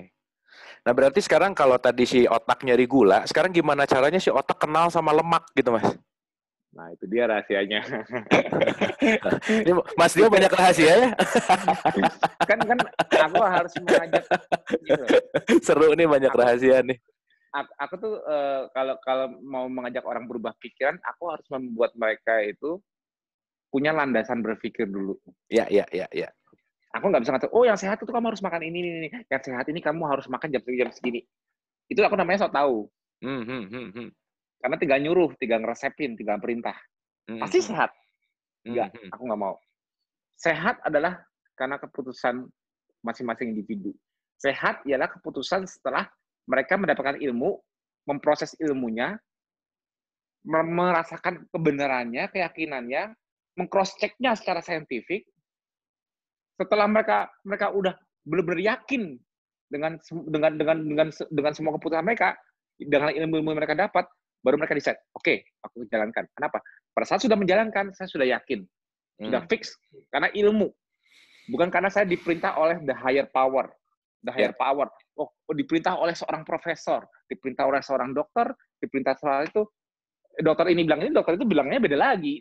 Mm-hmm. Profesor itu bilang ini, profesor itu bilang bilangnya beda lagi. Ya. Jadi the real decision maker ialah kita semua, masing-masing. Jadi yang kita butuh ialah ilmu-ilmu untuk diproses sehingga kita membuat suatu decision. Karena kita menentukan kesehatan kita sendiri, betul nggak? Hmm. Yes, tentu nah, saja. Itulah itulah cara aku kalau seminar apa, aku tidak tidak tidak memberikan kamu harus gini gini gini gini nggak gitu atau kamu harus minum ini aku kasih tulisan yang catat kamu minum ini makan ini bukan gitu itu masalah itu mah paling gampang belakangan kalau udah tahu basic ilmunya ngerti semua sendiri tahu sendiri cara makannya yes yes, yes. aku cuma mau menunjukkan mau nggak sih memiliki kemampuan mengenali lemak di badan sendiri karena kalau kamu tidak makan yang bawa kamu yang kamu bawa ke mana-mana itu lemak bukan gula hmm. Benar nggak? Coba. Yes. Orang mau obesitas sekalipun, anggap aja berat 100 kilo atau lebih, itu yang dibawa ke mana-mana apa namanya? Hmm, lemak ya? Lemak ya? Oke. Okay. Hmm. Orang orang nggak perlu obesitas deh. Hmm. Orang orang kondisi BMI-nya normal. Hmm. Tapi kalau dia ke mana-mana bawa gula 500 sehat nggak? Hmm. Iya nggak sehat. Kalau ya. kalau ke mana-mana orang mau badannya six pack kayak tapi bawanya ke mana-mana di darahnya masukku kulkas yang di dalamnya darahnya isinya gula untuk tenaga isinya jumlahnya 200 200 300 400 500 dibawa ke mana-mana. Sehat gak dia? Hmm. ya enggak ya kalau orang orang ke mana-mana bawa 500 600 nggak mungkin lah. Orang 500 600 itu bukan jalan-jalan di rumah hmm. sakit. Iya. Iya dong. Ya ya. Makanya kan gula itu nggak bisa dibawa ke mana-mana. Hmm. Makanya tubuh itu tubuh, tubuh itu apa pun yang kamu makan, tubuh itu menyimpannya bukan dalam bentuk gula, selalu dalam bentuk lemak. Mau makan berlebihan, kamu tidak tambah bergula, tapi berlemak. Hmm. Itu nggak? Ya, ya, ya, ya, ya. Kamu bisa gemuk sekarang ini karena kamu kebanyakan makan, apa pun yang kamu makan aku nggak tahu, tapi kamu sekarang jadi gemuk. Itu namanya apa? Kamu gemuk gula apa gemuk lemak? Hmm. Gemuk lemak kan? Yes. Karena itu cara tubuh menyimpan kelebihan energi apa pun dari makanannya selalu dalam bentuk lemak. Tubuh itu cuma bisa men-storage lemak. Contoh, mau kamu makan, wah, uh, uh, katanya vitamin itu sehat. Banyak kan, oke, okay, vitamin memang sehat ya. Mm-hmm. Terus, terus aku suka ketawa sama teori sekarang yang berarti semakin banyak aku makan vitamin, berarti aku semakin sehat. Salah tubuh membutuhkan vitamin atau mikro mikronutrisi itu dalam jumlah mikro, namanya disebut mikronutrisi. Kebutuhannya mikro, mili, nano, eh, mili, miligram butuhnya. Yang butuhnya gram itu makro, makronutrisi. Jadi, jadi kalau sekarang yang lebih diangkat-angkat mikronutrisinya, vitamin A sampai Z. Hmm, hmm, mungkin nanti ada kali LZ. karena karena sakit banyak vitamin, kita kita nyari listingnya, oh mana makanan yang mengandung ini ini, kita cari ilmunya. Hmm. Walaupun manusia di masa lalu nggak ada yang tahu ilmu itu. Hmm. Tapi percaya nggak? Nggak usah susah, nggak usah susah cari makanan yang banyak vitamin A sampai Z. Hmm. Aku kasih di aku kasih di depan kamu multivitamin dan mineral komplit kalau daripada nyari berburu makanan terus makan sebanyak-banyaknya dengan merasa lebih sehat dengan vitamin itu, ini multivitamin komplit. Vitaminnya udah lengkap semua, mineral udah komplit semua. Mau banyak-banyak, monggo. Ambil 10 kapsul telan. Hmm. Habis ditelan, lihat pipismu warnanya apa. Hmm, hmm, hmm, hmm. Coba, ada yang pernah makan vitamin, banyak dibanyakin, pipisnya warnanya apa? Ya. Kuning bukan? Ya, ya pekat kuningnya ya. Ya. Karena tubuh kita berusaha mengeluarkan kelebihan mikronutrisi dari sistemnya. Hmm. Karena vitamin itu memang bagus, tapi kalau berlebihan dan tidak bisa keluar dari sistem tubuh, itu racun. Jadi kalau kebutuhan vitamin kamu di tubuh ternyata masih ada dan kamu makan berlebih terus, sama tubuh dibuang terus. Karena tubuh tidak tidak punya penyimpanan vitamin. Oh, vitamin A nanti taruh di otot sini. Oh, enggak deh, vitamin B taruh di pipi. Vitamin C simpan di perut. Nggak ada tempat penyimpanan vitamin. Tubuh itu cuma bisa menyimpan vitamin dalam jumlah yang fix dan nanti di-replace lagi mhm. pada saat habis. Yang bisa tubuh simpan terus-menerus itu apa? Cuma satu, lemak. Oke, okay, oke. Okay. Tubuh cuma bisa menyimpan lemak apa pun makanan yang kamu makan, saat makanan lebih dari kebutuhannya, cara menyimpannya cuma satu, lemak. Dan itu yang kamu bawa ke mana-mana. Lemak itu kulkas yang kamu bawa ke mana-mana. Nah, kalau sudah jelas tubuh menyimpan energi selalu dalam bentuk lemak. Konyol nggak kalau manusia nggak makan, nggak kenal lemaknya sendiri? Konyol nggak? Yes, yes. Manusia dari dari zaman dulu sampai sekarang menyimpannya nggak beda kok. Menyimpannya juga sama. Kalau mereka habis makan, mereka ada kelebihan energi, disimpan jadi lemak. Hmm. Supaya nggak hilang. Jadi manusia nggak harus makan terus. Kenapa? Karena ekses energinya selalu bisa dirubah menjadi lemak. Bentuk penyimpanan di tubuh. Tubuh punya sistem storage namanya lemak. Hmm. Tapi manusia manusia zaman dulu mudah sekali. Begitu mereka pada saat cari makan lagi, harus lari, harus bergerak, mengalami waktu belum ada makanan, mereka dengan mudahnya bisa mengakses lemak mereka sendiri sehingga mereka tidak pernah kehilangan energi di otak maupun di fisik. Manusia sekarang, aduh, nggak ngebayangin aku seharian nggak dua hari nggak makan kayak apa. Dua hari dua hari manusia disuruh makanan hilang dari peredaran selesai. Teriak-teriak hmm. semua, teriak-teriak lemes, kelaparan, gini-gini. Hmm. Mereka, mereka meremehkan kondisi manusia di masa lalu itu namanya meremehkan kemampuan kita, metabolisme manusia sebenarnya ya. Karena mereka belum memiliki metabolisme seperti itu. Metabolisme seperti itu hilang pada mereka. Mereka merasa energinya full harus dari makanan. Mau mereka masih berlemak, apa mereka mereka bingung. Tetap kok, tapi kok saya banyak lemaknya, tapi kok saya pusing ya kalau nggak makan.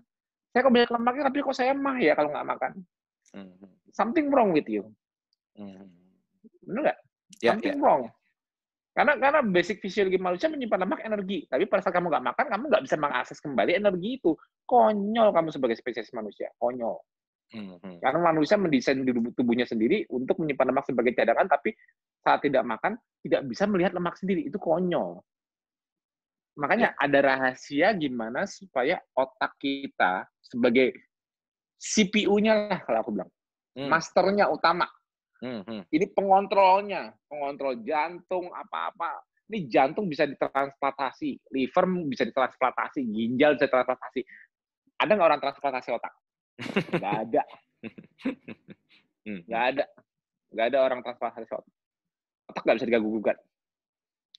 Ya, kita tembak di sini cedak kena, kena jantung apa apa masih bisa napas sebentar sebelum mati tembak sini sini sini tembak di otak selesai kamu aja nggak ngerasa sakitnya hmm, hmm, hmm. Karena semua rasa sakit apa pun itu rasanya tuh dari sini otak rasa lapar rasa apa ini yang teriak jadi otak itu ialah organ pengontrol utama organ terpenting manusia organ otak itu ialah organ yang membuat kita itu sekarang sekarang lagi pada nonton pada pada ikut Zoom itu ialah otak. Karena kalau otak bukan organ terpenting kita, yang yang lagi Zoom sekarang tuh gajah, hmm. macan, singa. Eh zebra apa kabar? Kenapa? Karena manusia kalau mau dibandingin di muka bumi, manusia itu ialah spesies paling terlemah di muka bumi. Coba, aku kasih analogi berpikir dulu bayi terlemah di muka bumi bayi apa? Bayi yang ya. begitu ku, begitulah semua spesies begitu pecah dari telurnya, begitu keluar dari rahim kandungan ibunya, semua spesies, spesies di muka bumi, spesies mana yang paling lemah? Iya ya, manusia. Burung ya. men burung menetas tak, hmm, hmm. nggak lama terbang. Kud sapi lahir di rahimnya, plak nggak lama bisa bangun berdiri bergerak nyusu sama yang lain kucing anjing apa semua. Lihat dong mungkin punya punya di rumah punya piaraan kucing baru beranak sebentar. Nggak lama baru nyusu sama nenek ibunya sebentar lama-lama dia udah mulai seperangkat gini-gini. Lama-lama lama-lama nggak lama berapa minggu berapa nggak nyampe sebulan juga udah lari-larian sana sini. Hmm, hmm, hmm, semua spesies manusia lokomotornya lokomotor itu fisiknya untuk bergerak motoriknya lokomotornya itu berkembang lebih cepat setelah dia lahir. Manusia kapan bisa jalan sejak lahir? Ya, setahun setengah ya, setahun lah. Sembilan, anggapnya rata, sembilan bulan lah anggapnya paling cepat. Uh. Sembilan bulan bayi manusia dari keluar dari rahimnya baru bisa belajar berjalan dan sebagainya itu baru sembilan bulan. Lokomotornya baru mau dikembangkan sembilan bulan ke atas. Hmm, hmm, hmm. Selama 9 bulan itu manusia lemah. Bayi manusia kerjanya ngapain sejak lahir? Tidur. Nyusu, tidur. Nyusu, tidur. Lemah banget nggak? Ya, ya, ya. Makanya aku bilang, manusia itu spesies paling terlemah deh. Secara fisik coba. Mungkin pernah lihat videoku di grup yang aku gelantungan apa uh, kayak itu yang skydance pakai pakai kekuatan pull up. Hmm, hmm, hmm orang bilang aku udah hebat banget. Ya, aku diketawain sama anak simpanse. diketawain sama anak simpanse. Serius. Baru gitu doang, Om. Ah, kalau anak simpanse bisa ngomong, ngomong gini, Om dia bisa kayak gitu. Bentar ya, Om. Aku mau ngambil pisang. Nah, anak simpanse nih baru tak tarik sini, tak tak sini. Aku latihan pull up angkat berat yang lebih berat dibanding beratku sendiri, makanya aku bisa kayak gitu. Simpanse anak baru lahir manjat manjat manjat manjat ininya udah apalagi emaknya naik rantingnya lebih cepat lagi. Kekuatan tangan kita nggak ada apa-apanya. Mm-hmm. manusia tercepat di muka bumi pelari. Selalu lari lari apa kuda. Jangan sama kuda. Sama anak kuda. Cepetan mana? Mm-hmm. cepetan kuda. Lari kita nggak ada apa-apanya. Manusia terkuat di dunia. Nggak usah sama gajah. Sama anak gajah kuatan mana? Itu loh manusia itu nggak ada yang dibanggakan dari fisiknya. Nggak ada yang dibanggakan dari dari kekuatan dia. Suruh suruh adu adu berburu mangsa paling cepat. Mau pakai apa pun. Tetap aja kalau pakai dengan cuma mengandalkan fisik kita cuma kalau cuma mengandalkan dengan tangan kita doang kita nggak kita nggak punya cakar seperti singa untuk berburu. Kita nggak punya gigi taring untuk menerkam atau merobek daging, nggak punya. Nggak ada apa-apanya kita sama anak singa. Tapi kenapa mereka semua itu di kebun binatang? Hmm. Padahal fisik mereka jauh banyak hewan yang fisiknya lebih kuat daripada manusia, jauh banyak predator-predator di rantai makanan paling atas. Tapi kok manusia yang yang dibilang spesies paling terlemah, yang dari lahir tidur mulu, motoriknya lambat, lokomotornya atau motoriknya lambat berkembang, kok bisa pada ikut zoom sekarang ini? Kembali lagi ke O. Otak ya. Jadi kalau bagi spesies lain di muka bumi, untuk mereka bisa survive di muka bumi, ialah kemampuan lokomotor, lokomotor mereka harus dikembangkan lebih dulu. Artinya, kalau mereka nggak berkembang lokomotornya, mereka pasti gampang dipredasi oleh spesies lain. Mm-hmm. Makanya mereka harus bisa cepat bergerak, kalau ada predator bisa melarikan diri. Makanya burung begitu menetas harus cepat bisa terbang, kalau nggak bisa dimangsa sama yang bisa manjat dari pohon, manjat ke pohon. Oke. Okay. Jadi lokomotor spesies lain itu sangat penting, tapi lokomotor bagi manusia tidak penting. Itu ya. sebabnya manusia dari lahir lebih banyak nyusu tidur, nyusu tidur. Apa sih yang dikembangkan manusia selama 9 bulan? Yang lain udah buru-buru ngembangin lokomotor kekuatan, manusia cuma tidur terus. Apa sih apa sih yang dikembang, dikembangkan oleh bayi? Hmm. Tahu nggak?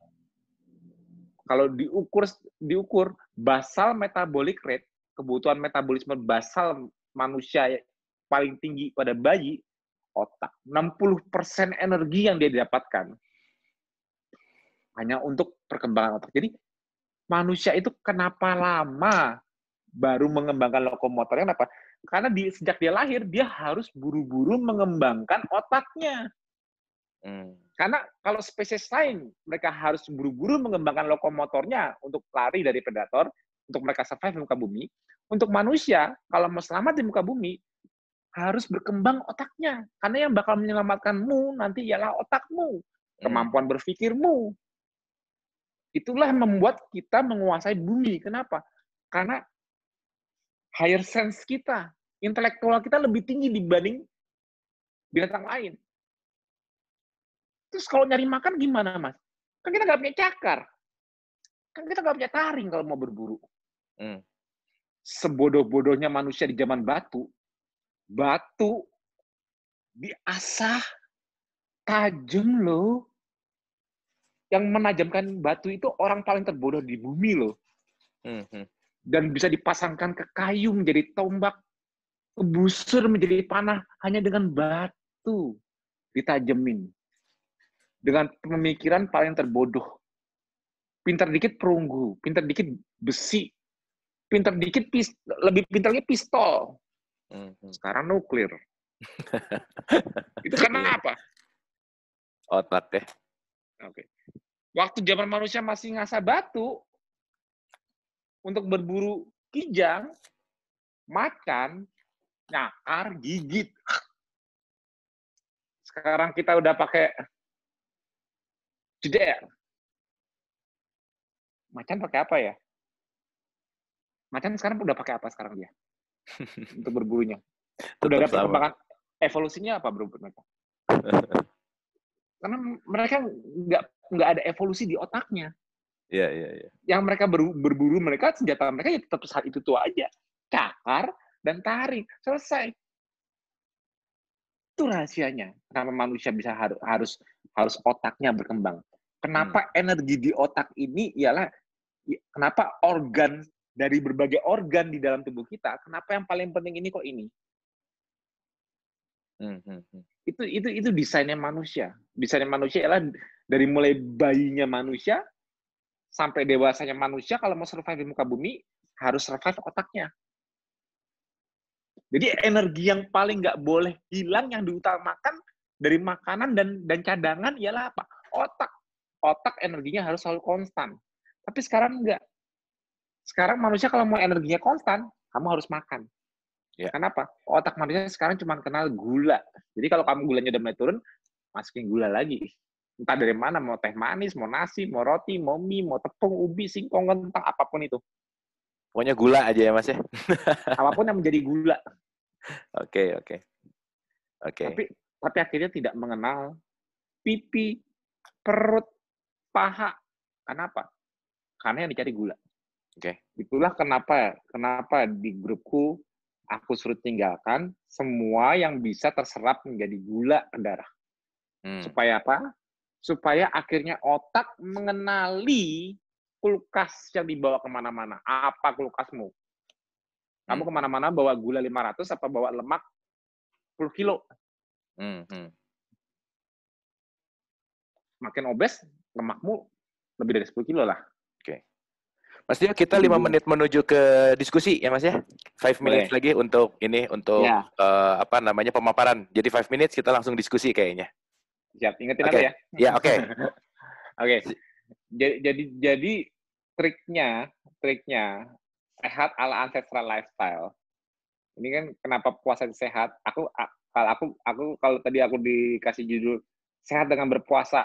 Kalau aku cuma bilang, "Oh, kalau kamu puasa, nanti kamu sehat loh, kamu bisa gini gini gini loh, kamu bisa nanti otaknya, oh, kamu nanti imun jadi kuat." Nah, itu mah baca aja di mana-mana. Banyak kok yang bilang puasa sehat. Tapi nggak ada yang bakal menceritakan mengenai puasa seperti aku. Pasti baru kali ini dengar. Hmm. Karena aku menunjukkan puasa yang terkondisioning oleh alam di masa lalu dan mengkopinya di masa sekarang. Itulah yang disebut gaya hidup di Kerapasosis Indonesia. Yaitu gaya hidup yang membatasi jendela makan seakan-akan kita masih di masa lalu. Seakan-akan dari pagi nggak ada makanan. Gaya hidup yang mempersempit jendela makan kita seperti mereka. Karena kalau yang di ilmu sekarang ini disebutnya namanya calorie restriction, disebutnya intermittent fasting lah. Tapi di masa lalu mereka nggak tahu itu namanya calorie restriction. Mereka sehat karena mereka kalorinya terbatas karena mereka makannya susah. Hmm. Jendela makan mereka puasa ya karena mereka dapat makannya susah. Mereka dulu gini, Mas kalau kalau olahraga itu kan sehat mas, iya udah sehat. Kamu tahu olahraga itu sehat dari mana? Ya kan udah ada ilmunya diajarin dokter bilang gini gini, gini ya. Kalau kalau kalau kamu nggak dikasih ilmu bawa olahraga itu sehat, kamu olahraga nggak? Kan enak aja cuma duduk di sofa, enak aja cuma nonton TV. Coba, kalau kamu lari, angkat beban, Sakit nggak badannya? Pegel-pegel nggak? Iya. Kok mau olahraga? Ya nggak bisa katanya sehat. Benar nggak? Benar nggak? Yes, yes. Karena, karena, karena ilmu bilang bahwa olahraga itu menyehatkan, makanya kamu melakukan apa yang menyakitkan diri untuk mendapatkan sehatnya, walaupun akhirnya terbukti benar. Tapi kalau kalau kalau pas ngerasain pertama kan kamu nggak sehat. Nah, itu ilmu yang kamu dapatkan. Tapi di masa lalu orang dulu orang dulu ada yang pengen ada yang tahu bahkan tahu sehat itu apa nggak? Maksudnya, oh, gue harus banyak aktif bergerak nih supaya sehat. Orang dulu nggak tahu. Orang dulu tuh bergerak karena harus makan. Kalau mereka, karena makanan mereka nggak nunggu. Oke. Okay. Jadi aku bilang sekali lagi, gaya hidup di masa lalu, jendela makan yang pendek itu karena alam. Pemilihan makanan kenapa mereka pilih hewani itu karena alam. Kenapa mereka aktif secara fisik setiap hari bergerak, nggak sedentari, nggak mager? Itu karena alam, bukan karena mereka ada punya ilmu. Mereka kalau mereka kalau tinggal seperti kita sekarang juga juga pasti jamin obesitas karena sekarang untuk sehat harus ada ilmu. Kalau mereka dulu nggak perlu ilmu, mereka sehat. Kenapa? Karena kalau mau kalau lo mau hidup, lo harus makan. Kalau mau makan, lo harus gerak. Itu mau mau nggak mau suka nggak suka. Oke. Okay. Jadi keterbatasan jendela makan, pemilihan makanan yang rendah karbohidrat, terus yang ketiga apa namanya uh, bergerak aktivitas fisik itu yang terkondisi oleh alam. Dan satu lagi, sorry, ada dua lagi. Hmm. Di masa lalu, tahu nggak apa yang membuat stres? Hmm. Tahu nggak apa yang membuat stres di masa lalu? Karena stres mereka, stres mereka itu cuma saat mereka takut ada predator nggak ya? Iya, iya, iya. Terancam nggak? Atau mereka berada depan dengan singa, mm -hmm. buas, mereka harus fight, siap fight atau siap flight, kabur. Makanya hmm. kondisi mereka itu selalu nggak mau nggak mau ada makanan. Kenapa? Karena kalau mereka ada makanan, mereka nggak larinya nggak sekencang kalau mereka belum makan. Hmm. Perutnya masih penuh, aduh nggak bisa makan, keburu diterkam. Makanya mereka kalau masih di luar merasa tidak aman, mereka nggak berani makan. Kenapa? Kalau kalau makan badan mereka malah melemah karena mereka harus mencerna mereka takut diterkam makanya aku bilang mereka selalu makannya pada saat mereka sudah aman. Kenapa? Habis makan, insting mereka soalnya ngantuk, lemes, tidur.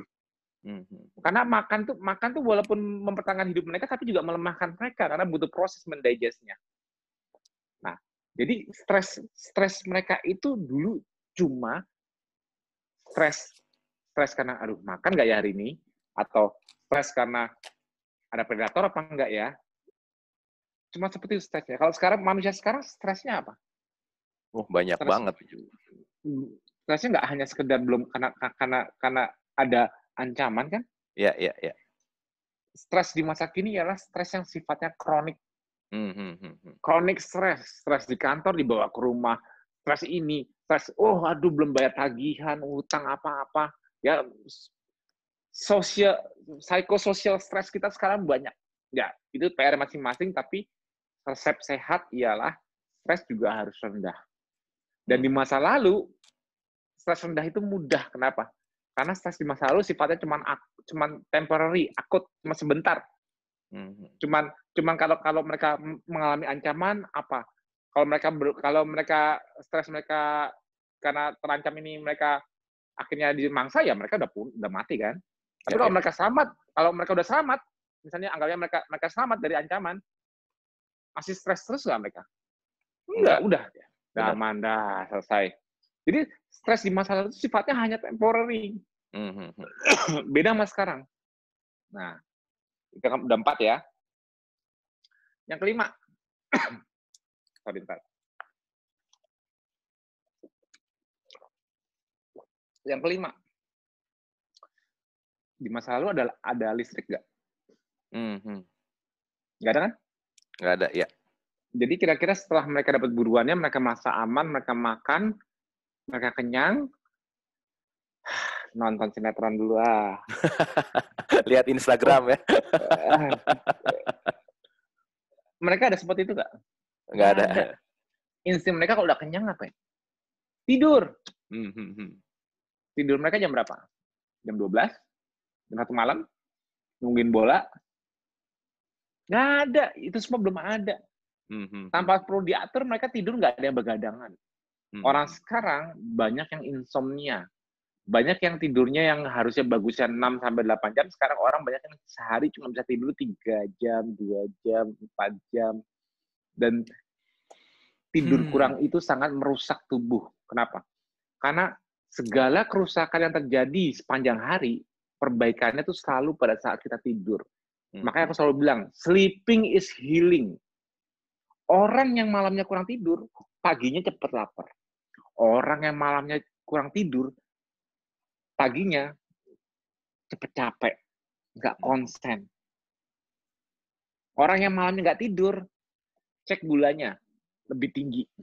Orang yang malamnya kurang tidur, cek tensinya, tensinya lebih tinggi. Oke. Okay. Jadi kurang tidur pun rusak. Jadi aku memperkenalkan di grupku ialah untuk mengembalikan kembali lima pilar gaya hidup manusia. Satu, yang pertama tadi apa? Jendela, Jendela makan, makan sempit. Hmm. Sesempit apa? Bisa start dari hanya 8 jam sampai ke level adaptasimu mungkin nanti bisa seperti aku. Aku nggak nggak maksa sampai seperti aku, tapi 4 jam pun juga sudah bagus. Membatasi makan hanya 4 jam itu udah level yang sangat bagus bagiku. Nantinya kalau sudah memulai dari 8 jam dulu. Yang okay. kedua, memilih makanan yang tidak menghalangi kemampuan otakmu mengenali lemak di badanmu. Kalau kamu memasukkan makanan apa pun yang menjadi gula, benar nggak? Mm-hmm. Makan apa pun yang menjadi gula, aku nggak ngomong gula, ngom, kamu makan gula ya. Mm. Aku bilang nasi, roti, mie itu jadi apa di darah? Gula kan? Iya. Yeah. Dan gula itu dipakai oleh otakmu, otakmu bakal selalu cari gula. Okay. Otakmu tidak bakal bisa pakai mengenali lemak di badannya yang ada. Padahal kita maunya maunya mampu membatasi makan, otomatis jendela puasanya lebih panjang. Berarti selama jendela puasa kita nggak mau dong tiap hari puasa tapi lemes-lemesan, gemeter, nggak nggak menikmati puasanya. Kenapa? Mm -hmm. Karena pada saat puasa saya memang merasa nggak seenak habis makan. Kenapa? Karena saya nggak nggak kenal nggak kenal lemak di badan saya. Nah, okay. Kalau di gaya hidup yang wajan tadi ialah lemaknya itu harus jadi dikenalin. Oleh sebab itu jangan masukkan unsur yang membuat otak kembali ketergantungan dengan gula. Oke. Okay. okay? yaitu tidak memasukkan karbohidrat terserap. Hmm. Yang ketiga, aktif fisik. Ya. Yang membuat yang membuat lemak yang tersimpan di badan itu dilepas ke darah untuk siap dipakai di mana-mana di seluruh tubuh ialah karena kamu bergerak hmm. fisik. Semakin kamu mengeluarkan fisik, aktivitas fisik, semakin banyak lemak dilepas ke darah. Okay. Semakin banyak di darah itu bisa diakses untuk dipakai sebagai energi. Mm -hmm. Yang keempat, stres. Hmm. Jangan stres. Ya, aku di sini bukan ahli, aku bukan psikolog. Tapi karena kita semua insya Allah orang-orang beragama, dan kita punya Tuhan, otomatis supaya tidak stres, adukan semua ke Tuhan. Insya hmm. Allah nggak stres. Itu cuma basic. Ya ini it works for me, I don't know for you. Mm-hmm. Ada yang perlu konsultasi juga, tambahan penenangan diri lain apa dari berbagai masalahnya.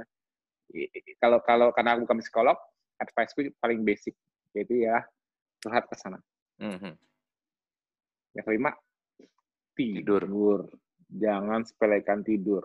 Okay. Mau kamu mau kamu membatasi jendela makan kek, mau kamu nggak udah bisa menghindari makanan karbohidrat serat kek, ya, ya. mau kamu iya, mau kamu udah olahraganya bagus kek, mau kamu udah bisa manajemen stres kek, begitu kamu nggak tidur malam hari ini, hari malam ini kamu nggak tidur, ya besok pagi kamu masih mampu membatasi makan nggak? Enggak, besok pagi cepet lapar. Oke. Okay. Enggak, besok pagi craving gula. Enggak, besok pagi jadi mager, jadi nggak lebih nggak kuat fisiknya untuk olahraga. Enggak, ternyata stresku malah lebih tinggi kalau malamnya semalam kurang tidur. Oke. Okay. Yang kelima, tidur itu penting kenapa? Karena untuk menjaga semua homeostasis yang lainnya. Oke. Okay. Itu pesan dariku. Oke, okay, thank you Mas Tio. Teman-teman boleh tepuk tangan dulu untuk Mas Tio luar biasa banget ya. Ternyata aduh kita puasa tuh eh, kadang-kadang cuman karena kepaksa gitu ya, karena cuman harus ya. gitu. Tapi ternyata puasa tuh adalah ya balik lagi ya, ya ternyata gaya zaman dulu yang Mas Tio tadi katakan itu justru adalah sesuatu yang benar-benar mengembalikan kita kepada alam gitu. Oke, Mas Tio ini langsung ada satu pertanyaan menarik nih. Kan ada yang mengatakan begini, there is a saying, eat a breakfast like a king, lunch, lunch like a prince, and dinner like a pauper katanya. And a breakfast is often yeah. described as a most important meal of the day. Nah, jadi yeah. Ini ini udah jadi stigma nih kayaknya. Breakfast yeah. itu adalah important meal of the day. Gimana Mas Tio kira-kira menanggapinya? Mudah. Hmm. Itu ialah konsep masa kini. Oke. Okay. Kenapa? Karena di saat makanan sekarang ada dan kom kombinasinya ju jujur ya, karbohidrat atau sumber apa pun yang membuat menjadi gula itu asalnya dari tumbuhan, bukan dari hewan. Hmm. Ya, bukan dari tumbuhan hewan ya. Dan tumbuh-tumbuhan yang memiliki unsur karbohidrat bisa diserap, itu ialah tumbuhan yang membutuhkan waktu untuk diproses. Contohnya gini, ubi, singkong, dan beras, apa pun itu. Hmm. Itu semua butuh proses untuk dari benih sampai tumbuh. Oke. Okay. Di masa lalu, saat tidak ada pertanian apa-apa, saat belum ada domestikasi hewan, saat belum ada cocok tanam, di mana manusia itu masih liar, harus berburu. Mereka ketemu semuanya liar, nggak ada nggak ada begitu dibuka, wah kebun jagung nggak ada, wah tanam apa kebun singkong, kebun ubi, kebun kentak nggak ada, itu liar. Mereka malah nggak tahu kalau it's dead, they don't hmm. know. Mm-hmm. Jadi yang yang mereka mudah dilihat ialah sesuatu yang bergerak apa hewan kelinci apa ayam, kijang, apa pun yang bergerak itu yang mereka buru. Dan hmm. itu yang mereka makan. Itu rasanya. Oke. Okay. Dan itu butuh waktu. Nah, kenapa sekarang dibilang breakfast like a king? Hmm, hmm, hmm. Seperti itu ya. Yeah. Berarti dia itu berbicara mengenai porsi. Porsi hmm. break. Lunch sampai dinner makin mengecil. Hmm. Dengan alasan kenapa? Aktivitas fisik makin turun. Breakfast besar karena kamu pasti paginya lebih aktif fisiknya. Oke. Okay. Siang siang sedang masih aktif fisik tapi pasti sudah siap untuk turun. Mm-hmm. Malam kamu setelah makan pasti tidur. Jadi makin kecil porsinya, makin kecil porsinya, dengan pikiran bahwa apa? Energinya pasti makin nggak kepake. Hmm. Artinya tidur banyak energi, karena aku bilang, orang sekarang takut makan malam kenapa? Takut gemuk. Ya. Ya, jadi itu masalahnya. Kenapa? Karena dimakan karbohidrat. Hmm, hmm. Karena pagi yang dimakan karbohidrat, yang dimasukin hmm. gula. Hmm. Kalau gula nggak buru-buru dipakai sebagai energi, gula yang naik dari karbohidrat dimakan nggak buru-buru dipakai sebagai energi, hmm. dia bakal disimpan dari jadi lemak. Gula harus berubah jadi lemak. Kenapa? Karena tubuh nggak mau habis makan gulanya tinggi terus di darah. Itu namanya hmm. diabetes. Hmm. Makanya kita habis habis makan gula darah kita dicek lagi gula darah waktu setelah dua jam itu harus turun. Kalau okay. kita habis makan gula darah waktu kita di atas 120, 110 terus, misalnya 150, 160, gulanya nggak turun-turun setelah dua jam, itu berarti kamu ada masalah dengan metabolismenya. Mm-hmm. Nggak bisa memproses atau tidak bisa merubahnya menjadi lemak. Mm-hmm. Makanya makanya instingnya kalau orang makan pagi lebih banyak kenapa? Karena mikirnya gulanya nggak bakal disimpan jadi lemak karena pasti dipakai energi. Okay. Makan siang dan akhirnya mengecil gulanya sumber makan karbohidrat mengecil di malam hari. Kenapa? Hmm. Karena kalau kamu makan nasi goreng yang akhirnya jadi gula, nasi nasi goreng itu jadi gula ya. As you know ya. Iya, iya, iya. Setelah, jadi gula darah, terus abis itu kamu bobot manis malam hari itu. Setelah nasinya dicerna jadi gula, ini orang bobo. Ya udah hmm. mesti menjadi lemak. Ya, ya, ya, ya, ya jadi jadi jadi kenapa dibikin konsep seperti itu supaya mencegah obesitas karena dalam kondisi makan karbo. Mm. Kalau tidak makan karbonya sama sekali, beda mm. cerita. Itu konsep yang dipakai di zaman sekarang saat kondisinya makannya masih kita sudah terkonsep makan dengan karbohidrat, protein dan lemak dimakan semua lengkap di piring. Di piring kalau bisa makan ada nasinya, ayamnya, sayurnya, mm. susu kalau perlu empat hari masa sempurna, mm misalnya baru makan. Kalau sekarang makan kita harus ada kombinasinya. Mm-hmm. Manusia di masa lalu, tadi dulu dapat kijang, wah udah sore mbak pulang dibakar. Eh kita tadi lupa nyari timun ya. Kita kok nggak nyari itu dulu ya apa jagung? Mm. Enggak kan? Iya. mereka makan apa? Mereka cuma makan hewan. Nggak tahu dapatnya hari kijang, besok dapat kerbau, uh, hari ini cuma dapat kelinci, cuma dapat yeah. ayam. Itu hmm. mereka makan nggak? Oh, makan pakai ayam, ikannya belum nih. Mancing dulu deh. Nggak ada. Mereka makan day to day basis dengan apa yang mereka dapatkan. Selesai. Hmm. Itu konsepnya manusia tanpa perlu ilmu pengetahuan nutrisi dan mereka sehat. Okay. Mereka tidak harus tahu vitamin A sampai Z, mereka hanya mau hidup. Tapi, tapi alam membentuk mereka seperti itu. Kalau sekarang makanan kita dikonsep oleh ilmu manusia. Oke, oke. Sip. Thank you, Mas Dio. Itu keren banget ya. jawabannya. Ini ada satu lagi nih. Jadi untuk mengajari otak supaya kembali bisa mengenali lemak di tubuhnya adalah dengan puasa ya. Lalu bagaimana dengan orang yang Lalu bagaimana dengan orang yang dengan batasan jendela itu dia merasa mau mati, kayaknya udah puasanya udah lapar banget gitu ya. Apakah harus menahannya atau harus buka puasa dengan makan sedikit? Gimana, Mas? Gimana? by the way, by the way, karena ini menjelang Ramadan, yang dari tadi aku ngomongin ini bukan konsep untuk Ramadan ya, sorry ya. Ya, oke, okay, oke. Okay, ini maksudnya okay. bukan bukan bukan bukan untuk dipraktekkan pas Ramadan ya. Untuk hmm. yang belum belum tahu baru tahu ini juga karena besok kita sudah mulai Ramadan bagi yang muslim seperti biasa aja dulu. Nanti setelah Ramadan baru lakukan seperti yang wajarkan. Hmm, hmm, hmm. Jadi gitu. Kenapa di, di di protokol yang aku kasih di grupku itu uh, awalnya bagi pemula cuma skip skip breakfast cuman cuman kayak anak kecil nggak sarapan lupa lupa sarapan aduh telat aduh lupa sarapan lagi biarkan terus lupanya nanti kamu makan pas jam 12 teng makan siang cuman itu kok hmm. harusnya nggak berat dong dari bangun pagi cuma telat sarapan nah kalau dari bangun pagi cuma telat sarapan jam 10 kayak orang mau mati itu kamu ada masalah metabolisme yang sangat berat hmm. Artinya hmm. kamu benar-benar tidak bisa mengakses energi apa pun dari tubuh kamu. Itu sudah ada metabolic syndrome. Hmm. hmm, hmm. Di saat memiliki seperti itu, tolong cek HbA1c-nya berapa. Hmm. Biar hmm. kelihatan jelas. Jadi nanti ketahuan. Yang tadinya merasa sehat terus, karena karena setiap hari selalu sarapan merasa sehat terus begitu nggak sarapan terus merasa jam 9 jam 10 udah kayak orang mau mati mau kayak gini gini cek hmm. HbA1c-nya hmm. gitu lah karena karena karena karena, karena aku bilang diabetes diabetes itu silent hmm. hmm, hmm. kalau udah kronik baru nanti muncul tapi itu sudah penanda metabolisme metabolismenya sudah gone already itu malah.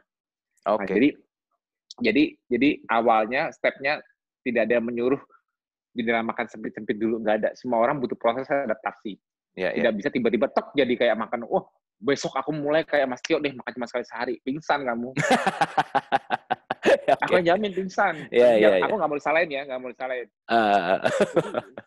Startnya ialah dengan tidak makan karbo. Sorry, dengan skip sarapan dulu yeah. dan apa yang dimakan itu bebas dari karbohidrat terserak.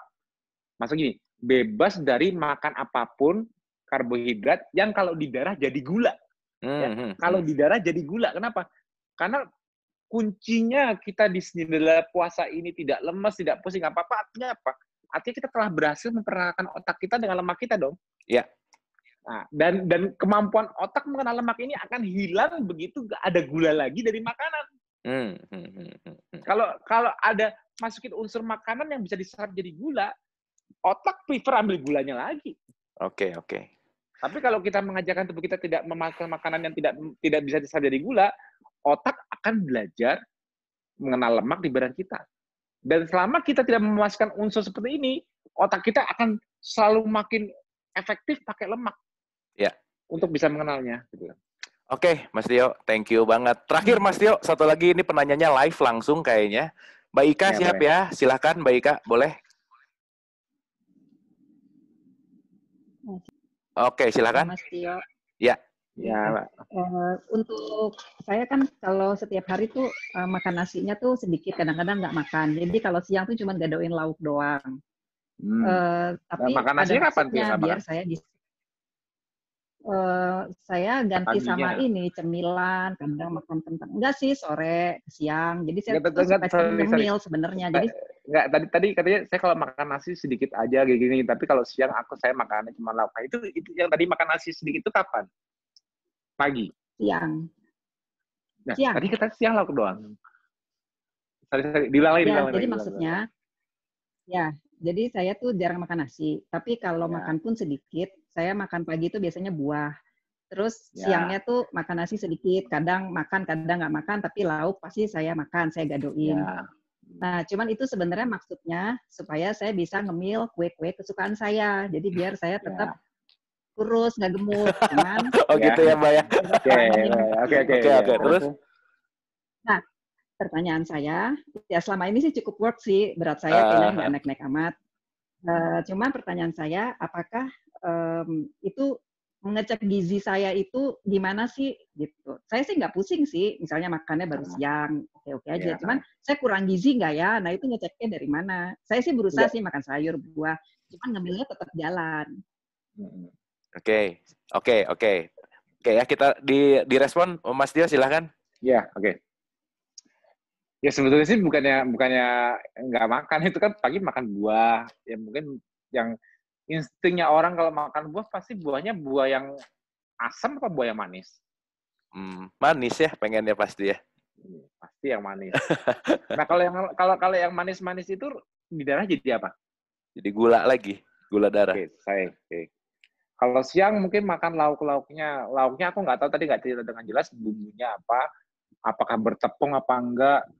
Kalau hmm. boleh dia nggak di mute kan? Oke, silakan, baik kak lauknya lauknya di, uh, makannya di ditepungin nggak contohnya contohnya lauknya apa contoh lauknya kebanyakan sih digoreng sih dengan tepung tepung atau goreng biasa jadi memang banyak yang goreng oh, oke okay. ya, okay. intinya biasanya ada tepungnya karena yang pakai tepung itu enak hmm, hmm. Nah, tepungnya jadi apa di darah jadi gula darah lagi jadi gula oke okay. Terus uh, supaya bisa ngemil kue-kue kesukaan saya. Oke, okay. kue bahan bakunya apa? Nah, itu tepung. Nah, tepung di darah jadi apa ya? Tepung sama keju. Jadi gula lagi. Iya, oke. Okay. Jadi sebetulnya yang yang yang dilihat tubuh kita itu sebetulnya bukan nama makanan. tubuh tubuh kita tuh nggak tahu kamu tadi habis makan buah ini, tubuh kamu nggak tahu kamu habis makan ayam, tubuh kamu nggak tahu kamu habis makan kue apa, nastar kayak kastengel kan, tubuhnya tidak kenal, hmm. tubuhnya tidak tahu. Yang tahu nama makanan di piring kita itu kita yang makan. Mata kita melihat otak kita. Oh ini makanan. Oh ini yang sehat ini yang enggak enggak tubuh kamu kenal nggak? Enggak tubuh kamu cuma mengenal apa yang sudah menyeberang dari ini anggap ini usus nih makanan lewat usus ini terus sudah diserap masuk ke dalam usus ada di darah itu yang dikenal tubuh oke okay. semua nama makanan itu hilang di usus mm -hmm saat sudah masuk ke darah, cuma aku ngomong makronutrisi aja ya, lebih gampang ya. Apa pun makanan di muka bumi yang dimasukkan ke mulut, dicerna di lambung dan usus, semua makanan yang ditelan manusia di muka bumi kecuali racun, itu yang nyebrang ke darah, itu cuma ada tiga makronya. Satu, kalau karbohidrat terserap, dia menjadi glukosa atau gula. Dua, kalau dia makan unsur hewani atau mengandung protein yang terserap di darah bukan protein tapi amino asid. Tiga, kalau ada unsur lemak di makanan, entah untuk gorengan minyak atau apa pun itu atau lemak di hewaninya tersebut, itu namanya fatty acid. Hmm. Jadi cuma glukosa, amino asid, fatty acid, cuma itu toh. Apa pun kamu makan, oh saya makan apa yang namanya ini yang dibilang ini superfood, nama tubuh kamu nggak kenal superfood ini. Tubuh kamu lihat apa yang nanti kalau sudah diserap di darah apa? Masuk glukosa kah? Atau gula? Masuk amino asid kah? Dari protein? Atau masuk fatty acid kah? Dari lemak? Cuma tiga itu ternyata. Mhm. Dan ya, untuk mempertahankan kemampuan tidak makan, hilangkan yang memasukkan unsur glukosa. Oke. Okay. Hanya masuk unsur amino asid dan dan dan fatty acid. Kenapa? Karena yang dibutuhkan manusia, kan nanya, yang bergizi buat saya apa sih? Yang dibutuhkan oleh manusia, karena manusia tidak bisa mensintesisnya sendiri dengan mandiri di dalam tubuhnya, hmm. dari makanannya. Jadi ada ada ada macam makanan kayak ada 22 jenis amino acid, ada tiga jenis fatty acid, dan beberapa fatty acid lainnya. Hmm. Tapi yang esensial bagi manusia, artinya esensial itu apa?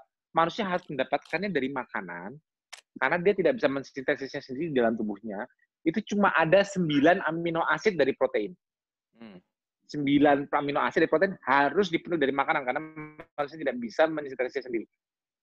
Dan dari unsur lemak, unsur lemak ada dua fatty acid omega 3 dan omega 6 yang tidak bisa di, dibuat oleh manusia. Omega 9 manusia bisa mensintesisnya sendiri. Omega 3, omega 6 nggak bisa. Hmm. Jadi yang membuat makanan itu memenuhi gizi sebetulnya ialah pemenuhan dari esensial makronutrisi dan juga esensial mikronutrisi, vitamin dan mineral. Oke. Okay. Nah, jadi kunci utamanya ialah vitamin dan mineral itu mikro ya, kecil mikro, mikro, nggak nggak sepenting makronya. Hmm. Pikirkan dulu bagaimana mendapatkan 9 amino asid. Berarti kamu harus makan protein pikiran pikirkan dulu bagaimana kamu memenuhi dua esensial fatty acid. Berarti kamu harus makan lemak. Jadi protein dan lemak itu esensial sifatnya bagi tubuh manusia. Oke. Okay. Tapi apa pun yang menyumbang gula ke darah, nggak ada yang esensial. Mas, kalau kita nggak ma makan karbohidrat ada gulanya, gula kita nol nggak? Nggak. Iris kupingku kalau kamu nggak makan karbohidrat terus gula kamu nol. Nggak ada gula itu penting ada di dalam tubuh. Penting ada di darah. Saking pentingnya, manusia tidak perlu memasukkan nyari gula dari luar. Livernya bisa buat gula sendiri. Bahan bakunya apa, Mas?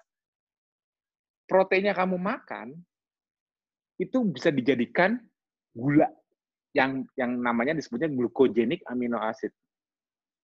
Lemak yang kamu makan yang disebut triacylglycerol atau triglycerid itu kalau dipecah menjadi fatty acid dan gliserol, gliserolnya ini bisa jadi gula. Jadi makan protein dan lemak pun sudah bisa memberikan bahan baku untuk gula. Tidak perlu menyerap gula itu sendiri. Karena gula itu asalnya dari tanah, artinya berasal dari tumbuhan, itu sebabnya manusia di muka bumi bisa tinggal jauh dari katulistiwa. Mau yang tanahnya subur, yang tumbuhannya gampang tumbuh, mau yang empat musim yang kadang-kadang bisa bagus, kadang enggak, mau yang tertutup es abadi, kayak orang Eskimo, tetap bisa hidup. Mau di padang pasir yang tandus, gurun, padang rumput, savana, yang yang yang nggak yang nggak nggak sesubur di tropical island, manusia bisa hidup di sana. Kenapa? Karena mereka tidak ada kewajiban untuk memenuhi glukosa dari luar tubuhnya. Tubuhnya bisa selalu bikin glukosa sendiri. Tapi manusia harus mendapatkan protein dan lemak dari makanannya. Kenapa? Karena ada sembilan esensial amino asid dari protein yang manusia tidak bisa buat sendiri di tubuh. Dan itu dipakai untuk berbagai proses tubuh. Dan ada dua fatty acid yang manusia tidak bisa buat sendiri di tubuh. Harus diambil dari makanan. Jadi, giziku gimana? Selama ada unsur hewani di makanannya, gizi lengkap. Oke. Okay. Selama ada unsur hewani, gizi lengkap. Yang mulai harus dihentikan ialah saranku stop ngemil. Hmm. Aku lebih menyarankan makan besar, kenyang, selesai. Dah. Jangan mengikuti hawa nafsu. Ya, ini bukan aku nggak ngomong masalah jaga kesehatan atau apa berat badan. Gini Intinya manusia itu tidak dilahirkan untuk makan setiap saat. Hmm. Berusaha menikmati hidup tanpa harus dengan makan setiap saat aku pribadi nggak paling nggak suka ngemil. Ya kalau memang ada cemilannya yang tidak mengandung karbo, aku makannya setelah aku makan yang real food yang besar dulu. Kenapa? Supaya aku nggak overeating. Kenapa? Kalau aku belum makan yang makan besarnya, aku udah udah ada cemilan yang bebas karbo tadi itu, aku makan terus. Kenapa? Susah lebih susah lebih lama mengenyangkannya. Oke. Okay. Tapi kalau aku makan real foodnya, protein dan lemaknya, ikan, telur, ayam, aku makan nah, lep, selesai, nggak makan belum banyak, udah kenyang duluan. Tapi kalau ngemil, stoples juga sambil nonton TV hilang. Hmm. Itu loh. Jadi mulai biasakan diri tidak selalu mengunyah. Kunci untuk tidak selalu mengunyah ialah sibuk. Kuncinya orang tidak gini. Untuk untuk memiliki gaya hidup yang tidak selalu makan seperti di masa lalu, kuncinya terletak ialah di aktivitasnya kebanyakan orang yang selalu makan ialah orang yang bingung mau ngapain. Nggak ada aktivitas. Produktivitasnya nggak tinggi. Akhirnya kerjaannya ngemil terus. Orang yang sibuk malah lupa makan. Hmm. Justru manfaatkan kemampuan yang nanti dimiliki dari kemampuan tidak makan ini untuk lebih produktif. Aktif, melakukan something else selain mengunyah. Seret, tutup. Activity. Oke, oke. Okay. Oke. Okay. Good answer banget. Mbak Ika, oke okay ya Mbak Ika ya? Makasih ya. Oke, okay, thank you Mbak Ika. Oke, okay, uh, eh, Mas Dio, kayaknya itu pertanyaan terakhir yang luar biasa banget gitu ya. Ini hari ini kita yeah. banyak dapat input banget. Ibu dan Bapak boleh tepuk tangan dulu dong untuk Mas Dio hari ini. Ya, Seru ya, banget gitu ya. Jadi puasanya tuh udah benar-benar kita pahami bukan karena ketertekanan dan kita banyak sekali tahu juga bahwa tadi unsur yang paling penting itu adalah jendela makan sempit gitu ya memilih makanan membatasi. tadi membatasi tadi aktivitas fisik juga manage stresnya dan tidurnya juga mulai kualitasnya diperbaiki lima gitu. itu, itu aku sebutnya di grupku namanya lima ancestral lifestyle jadi kita harus berusaha kalau kita mau memiliki kemampuan kita gini gini lah esensi sehat yang diwariskan dari masa lalu itu ada lima. Ya, ya. Sudah dicerminkan di masa lalu itu ada lima. Hmm. Jadi kalau kalau mau mau mau memiliki metabolisme primitif dan menjaga kesehatan, berusaha jangan hanya melakukan beberapa hal, tapi kalau bisa sempurnakan lima limanya. Iya, oke. Okay. kita terlindung terus di masa kini gitu. Oke, okay, thank you, thank you. Mas Tio mungkin boleh dikasih tahu kalau ada yang mau ikut join grupnya, nama grupnya apa ya? Boleh diinformasikan? Uh, Oke, okay, nama grupku itu sebetulnya grup ketofastosis. Kalau kalau di Facebook ya, kalau di Facebook ketiknya ketofastosis dalam kurung fasting on ketosis. Karena nanti kalau kalau di ketik ketofastosis saja ada dua grup yang keluar. Yang satu ketofastosis nakes Indonesia, hmm. itu grup yang aku buat khusus kalangan uh, dokter, tenaga kesehatan, yang karena kalau di sana aku bicaranya udah nggak kayak sekarang itu bicaranya sudah scientificnya biochemistry-nya molekuler molekuler perspektif dari fasting dan molekul dan, dan lebih ke arah technical scientific rasionalnya dari gaya hidup ini. Oke. Okay, nah, kalau okay. kalau kalau yang lebih awam global siapa aja juga nakes juga ada di sini juga lebih banyak membernya itu ada di grup yang tulisannya ketofastosis dalam kurung fasting on ketosis. Nah, caranya okay. yang ketofastosis dalam kurung fasting ketosis itu yang di Sip. yang di klik join. Oke, okay, oke. Okay. Terus Mas Tio, aku juga mau nunjukin hasil dari dari apa yang sudah dilakukan dari bulan Juni kemarin, Mas Tio. Apa tuh? Nah, ini dari bulan Juni kemarin aku lumayan lah dari yang di kiri menuju ke yang kanan nah. ini Mas Jani. nah, yang yang yang yang sebelah kiri itu metabolisme modern.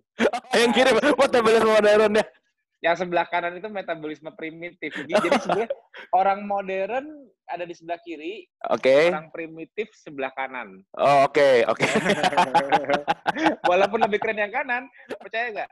Yang sebelah kanan itu makannya tidak sesering yang sebelah kiri. Iya, iya, iya, iya, iya. Dan ya, energinya ya. yang orang sebelah kanan itu energinya jauh lebih tinggi dan tidak tergantung harus makan dulu sebelum dapat energinya. Dan oh, iya. hidupnya pasti lebih produktif lebih percaya diri dan insya Allah uh, ilmunya juga kemampuan berpikirnya juga beda dibanding kognitifnya beda dengan sebelumnya. Benar, makanya Mas Tio saya semangat banget tiap tiap hari bikin kelas Zoom kayak gini Mas Tio. Gara-gara itu sebenarnya. ya. Oke, okay, kita teman menginspirasi. menginspirasi. Oke, okay, terima kasih Mas Tio. Mungkin uh, terakhir kita foto bersama dulu. Oh, gimana caranya? Uh, caranya tinggal senyum aja. Kita semuanya oh, boleh senyum karena ini rundown paling penting sebenarnya. rundown paling pentingnya adalah foto. Oke, okay, teman-teman Ibu dan Bapak sekalian, boleh senyum gitu ya, smile yang paling paling spektakuler. Nah, satu, dua, smile. Oke, okay, tiga kali lagi, sebentar, sabar. Satu, dua, smile. Oke, okay, dua kali lagi. Ini banyak sekali, alhamdulillah malam hari ini. Satu, dua, smile. Oke, dan terakhir satu dua smile. Oke, terima kasih Mas Tio, terima kasih banyak ya, atas ilmunya hari ini. Boleh sekali lagi tepuk tangan untuk Mas Tio dan berakhir juga uh, malam hari ini kita nggak kerasa udah waktunya udah agak sedikit tapi karena saking serunya jadi kita sangat menikmati ilmunya. Terima kasih teman-teman dan sahabat ya. semua telah hadir di kelas Zoom ini. Semoga bermanfaat, tetap sehat dan tetap bahagia. Kalau besok ada yang mau join, kita akan mulai setelah tarawih dan uh, join aja. Jadi besok ada pembelajaran seperti biasa. Terima kasih. Mohon maaf lahir dan batin. Wabillahi taufik wal hidayah. Assalamualaikum warahmatullahi wabarakatuh. Mas Tio, terima kasih kasih banyak. Terima kasih ya, banyak. Terima kasih juga. Terima kasih banyak. Sampai ketemu Mas Tio. Sampai ketemu semuanya. Ya. Terima kasih. Terima kasih.